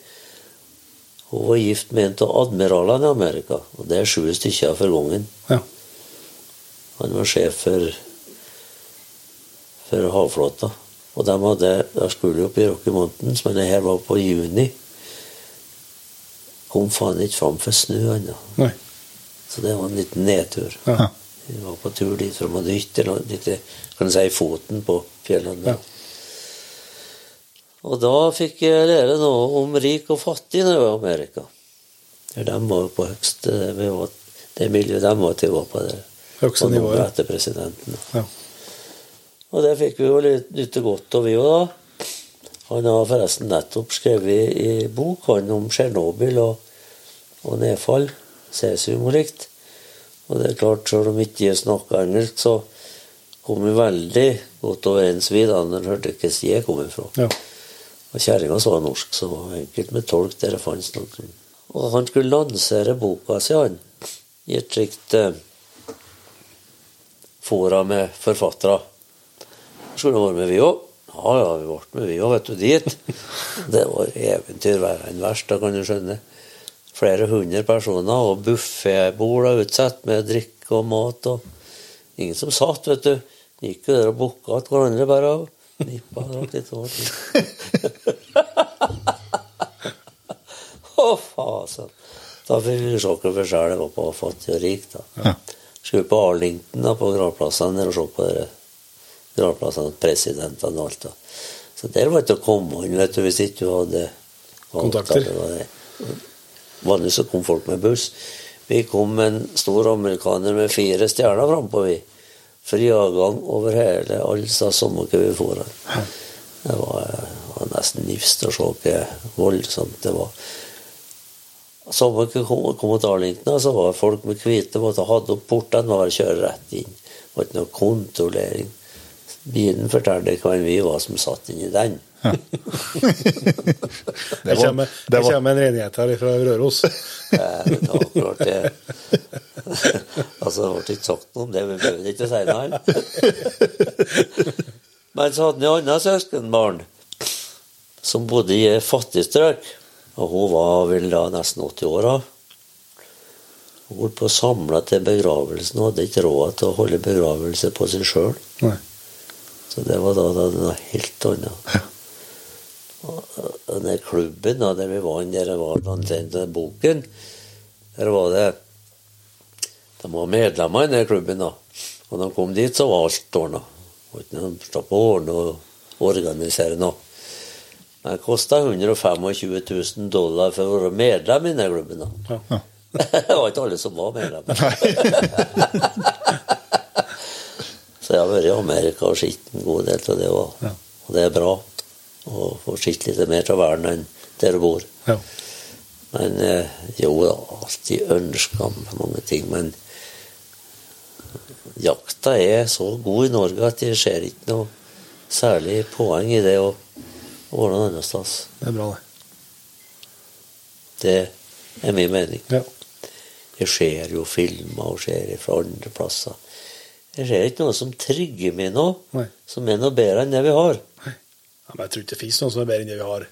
Nei, det skal noe til. Det tror ikke. Så jeg Nei, det er Det er for være pistola, det. Ja. jeg. Ja, det var, det var, det var en fin avslutning. Det Det. tror jeg òg. Vi skal si tusen takk for at du har eh, tatt imot oss, og kaffe og servering, og ikke minst en veldig hyggelig prat. Det setter vi stor pris på. Det er jeg helt sikker på at våre lyttere òg gjør.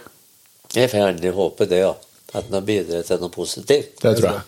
Det som er viktig. Takk for praten. I like måte. Det var altså Ivar Tørresdal fra Røros, da. Dere må, du som er litt, litt mer sånn beandret i dialekter enn meg, dere må ha skikkelig rø- Røros-dialekt. Ja, det er, tror jeg, er sånn gammel Røros-dialekt. Ja, tøft. Og Ivar er en eh, meget både, meget både hyggelig mann, men ikke minst kunnskapsrik, da, og veldig dyktig til å fortelle historier. Absolutt. Og har, jeg har opplevd mye. Yes.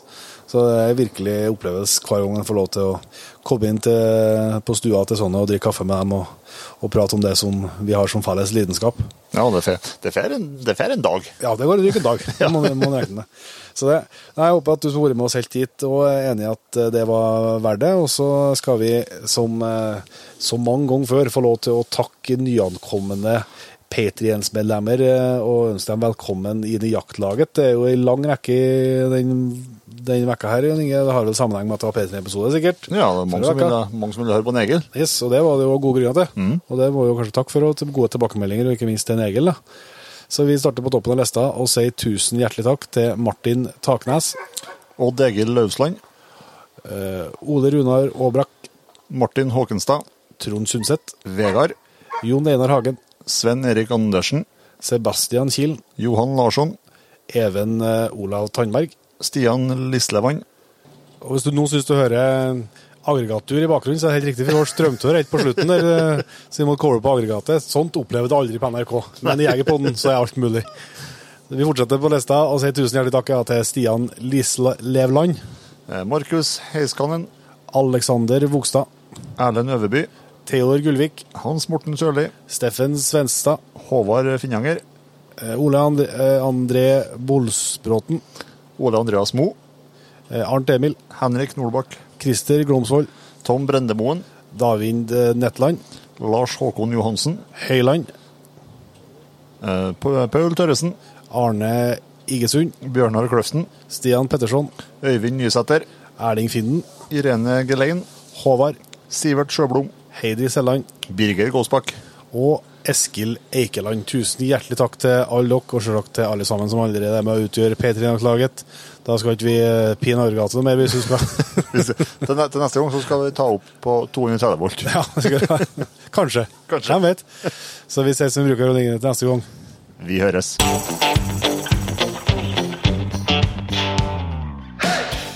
Tusen hjertelig takk for at du valgte å bruke litt av tida di på Jegerpodden. Sjekk ut jegerpodden.no eller eh, din favoritt favorittpodkastspiller for enda mer innhold og flere episoder. Følg også Jegerpodden på Facebook og Instagram, og ikke minst, husk å fortelle alle gode venner, familie og tilfeldige forbipasserende om Jegerpodden, sånn at vi får spredd det glade budskap videre. Vi høres.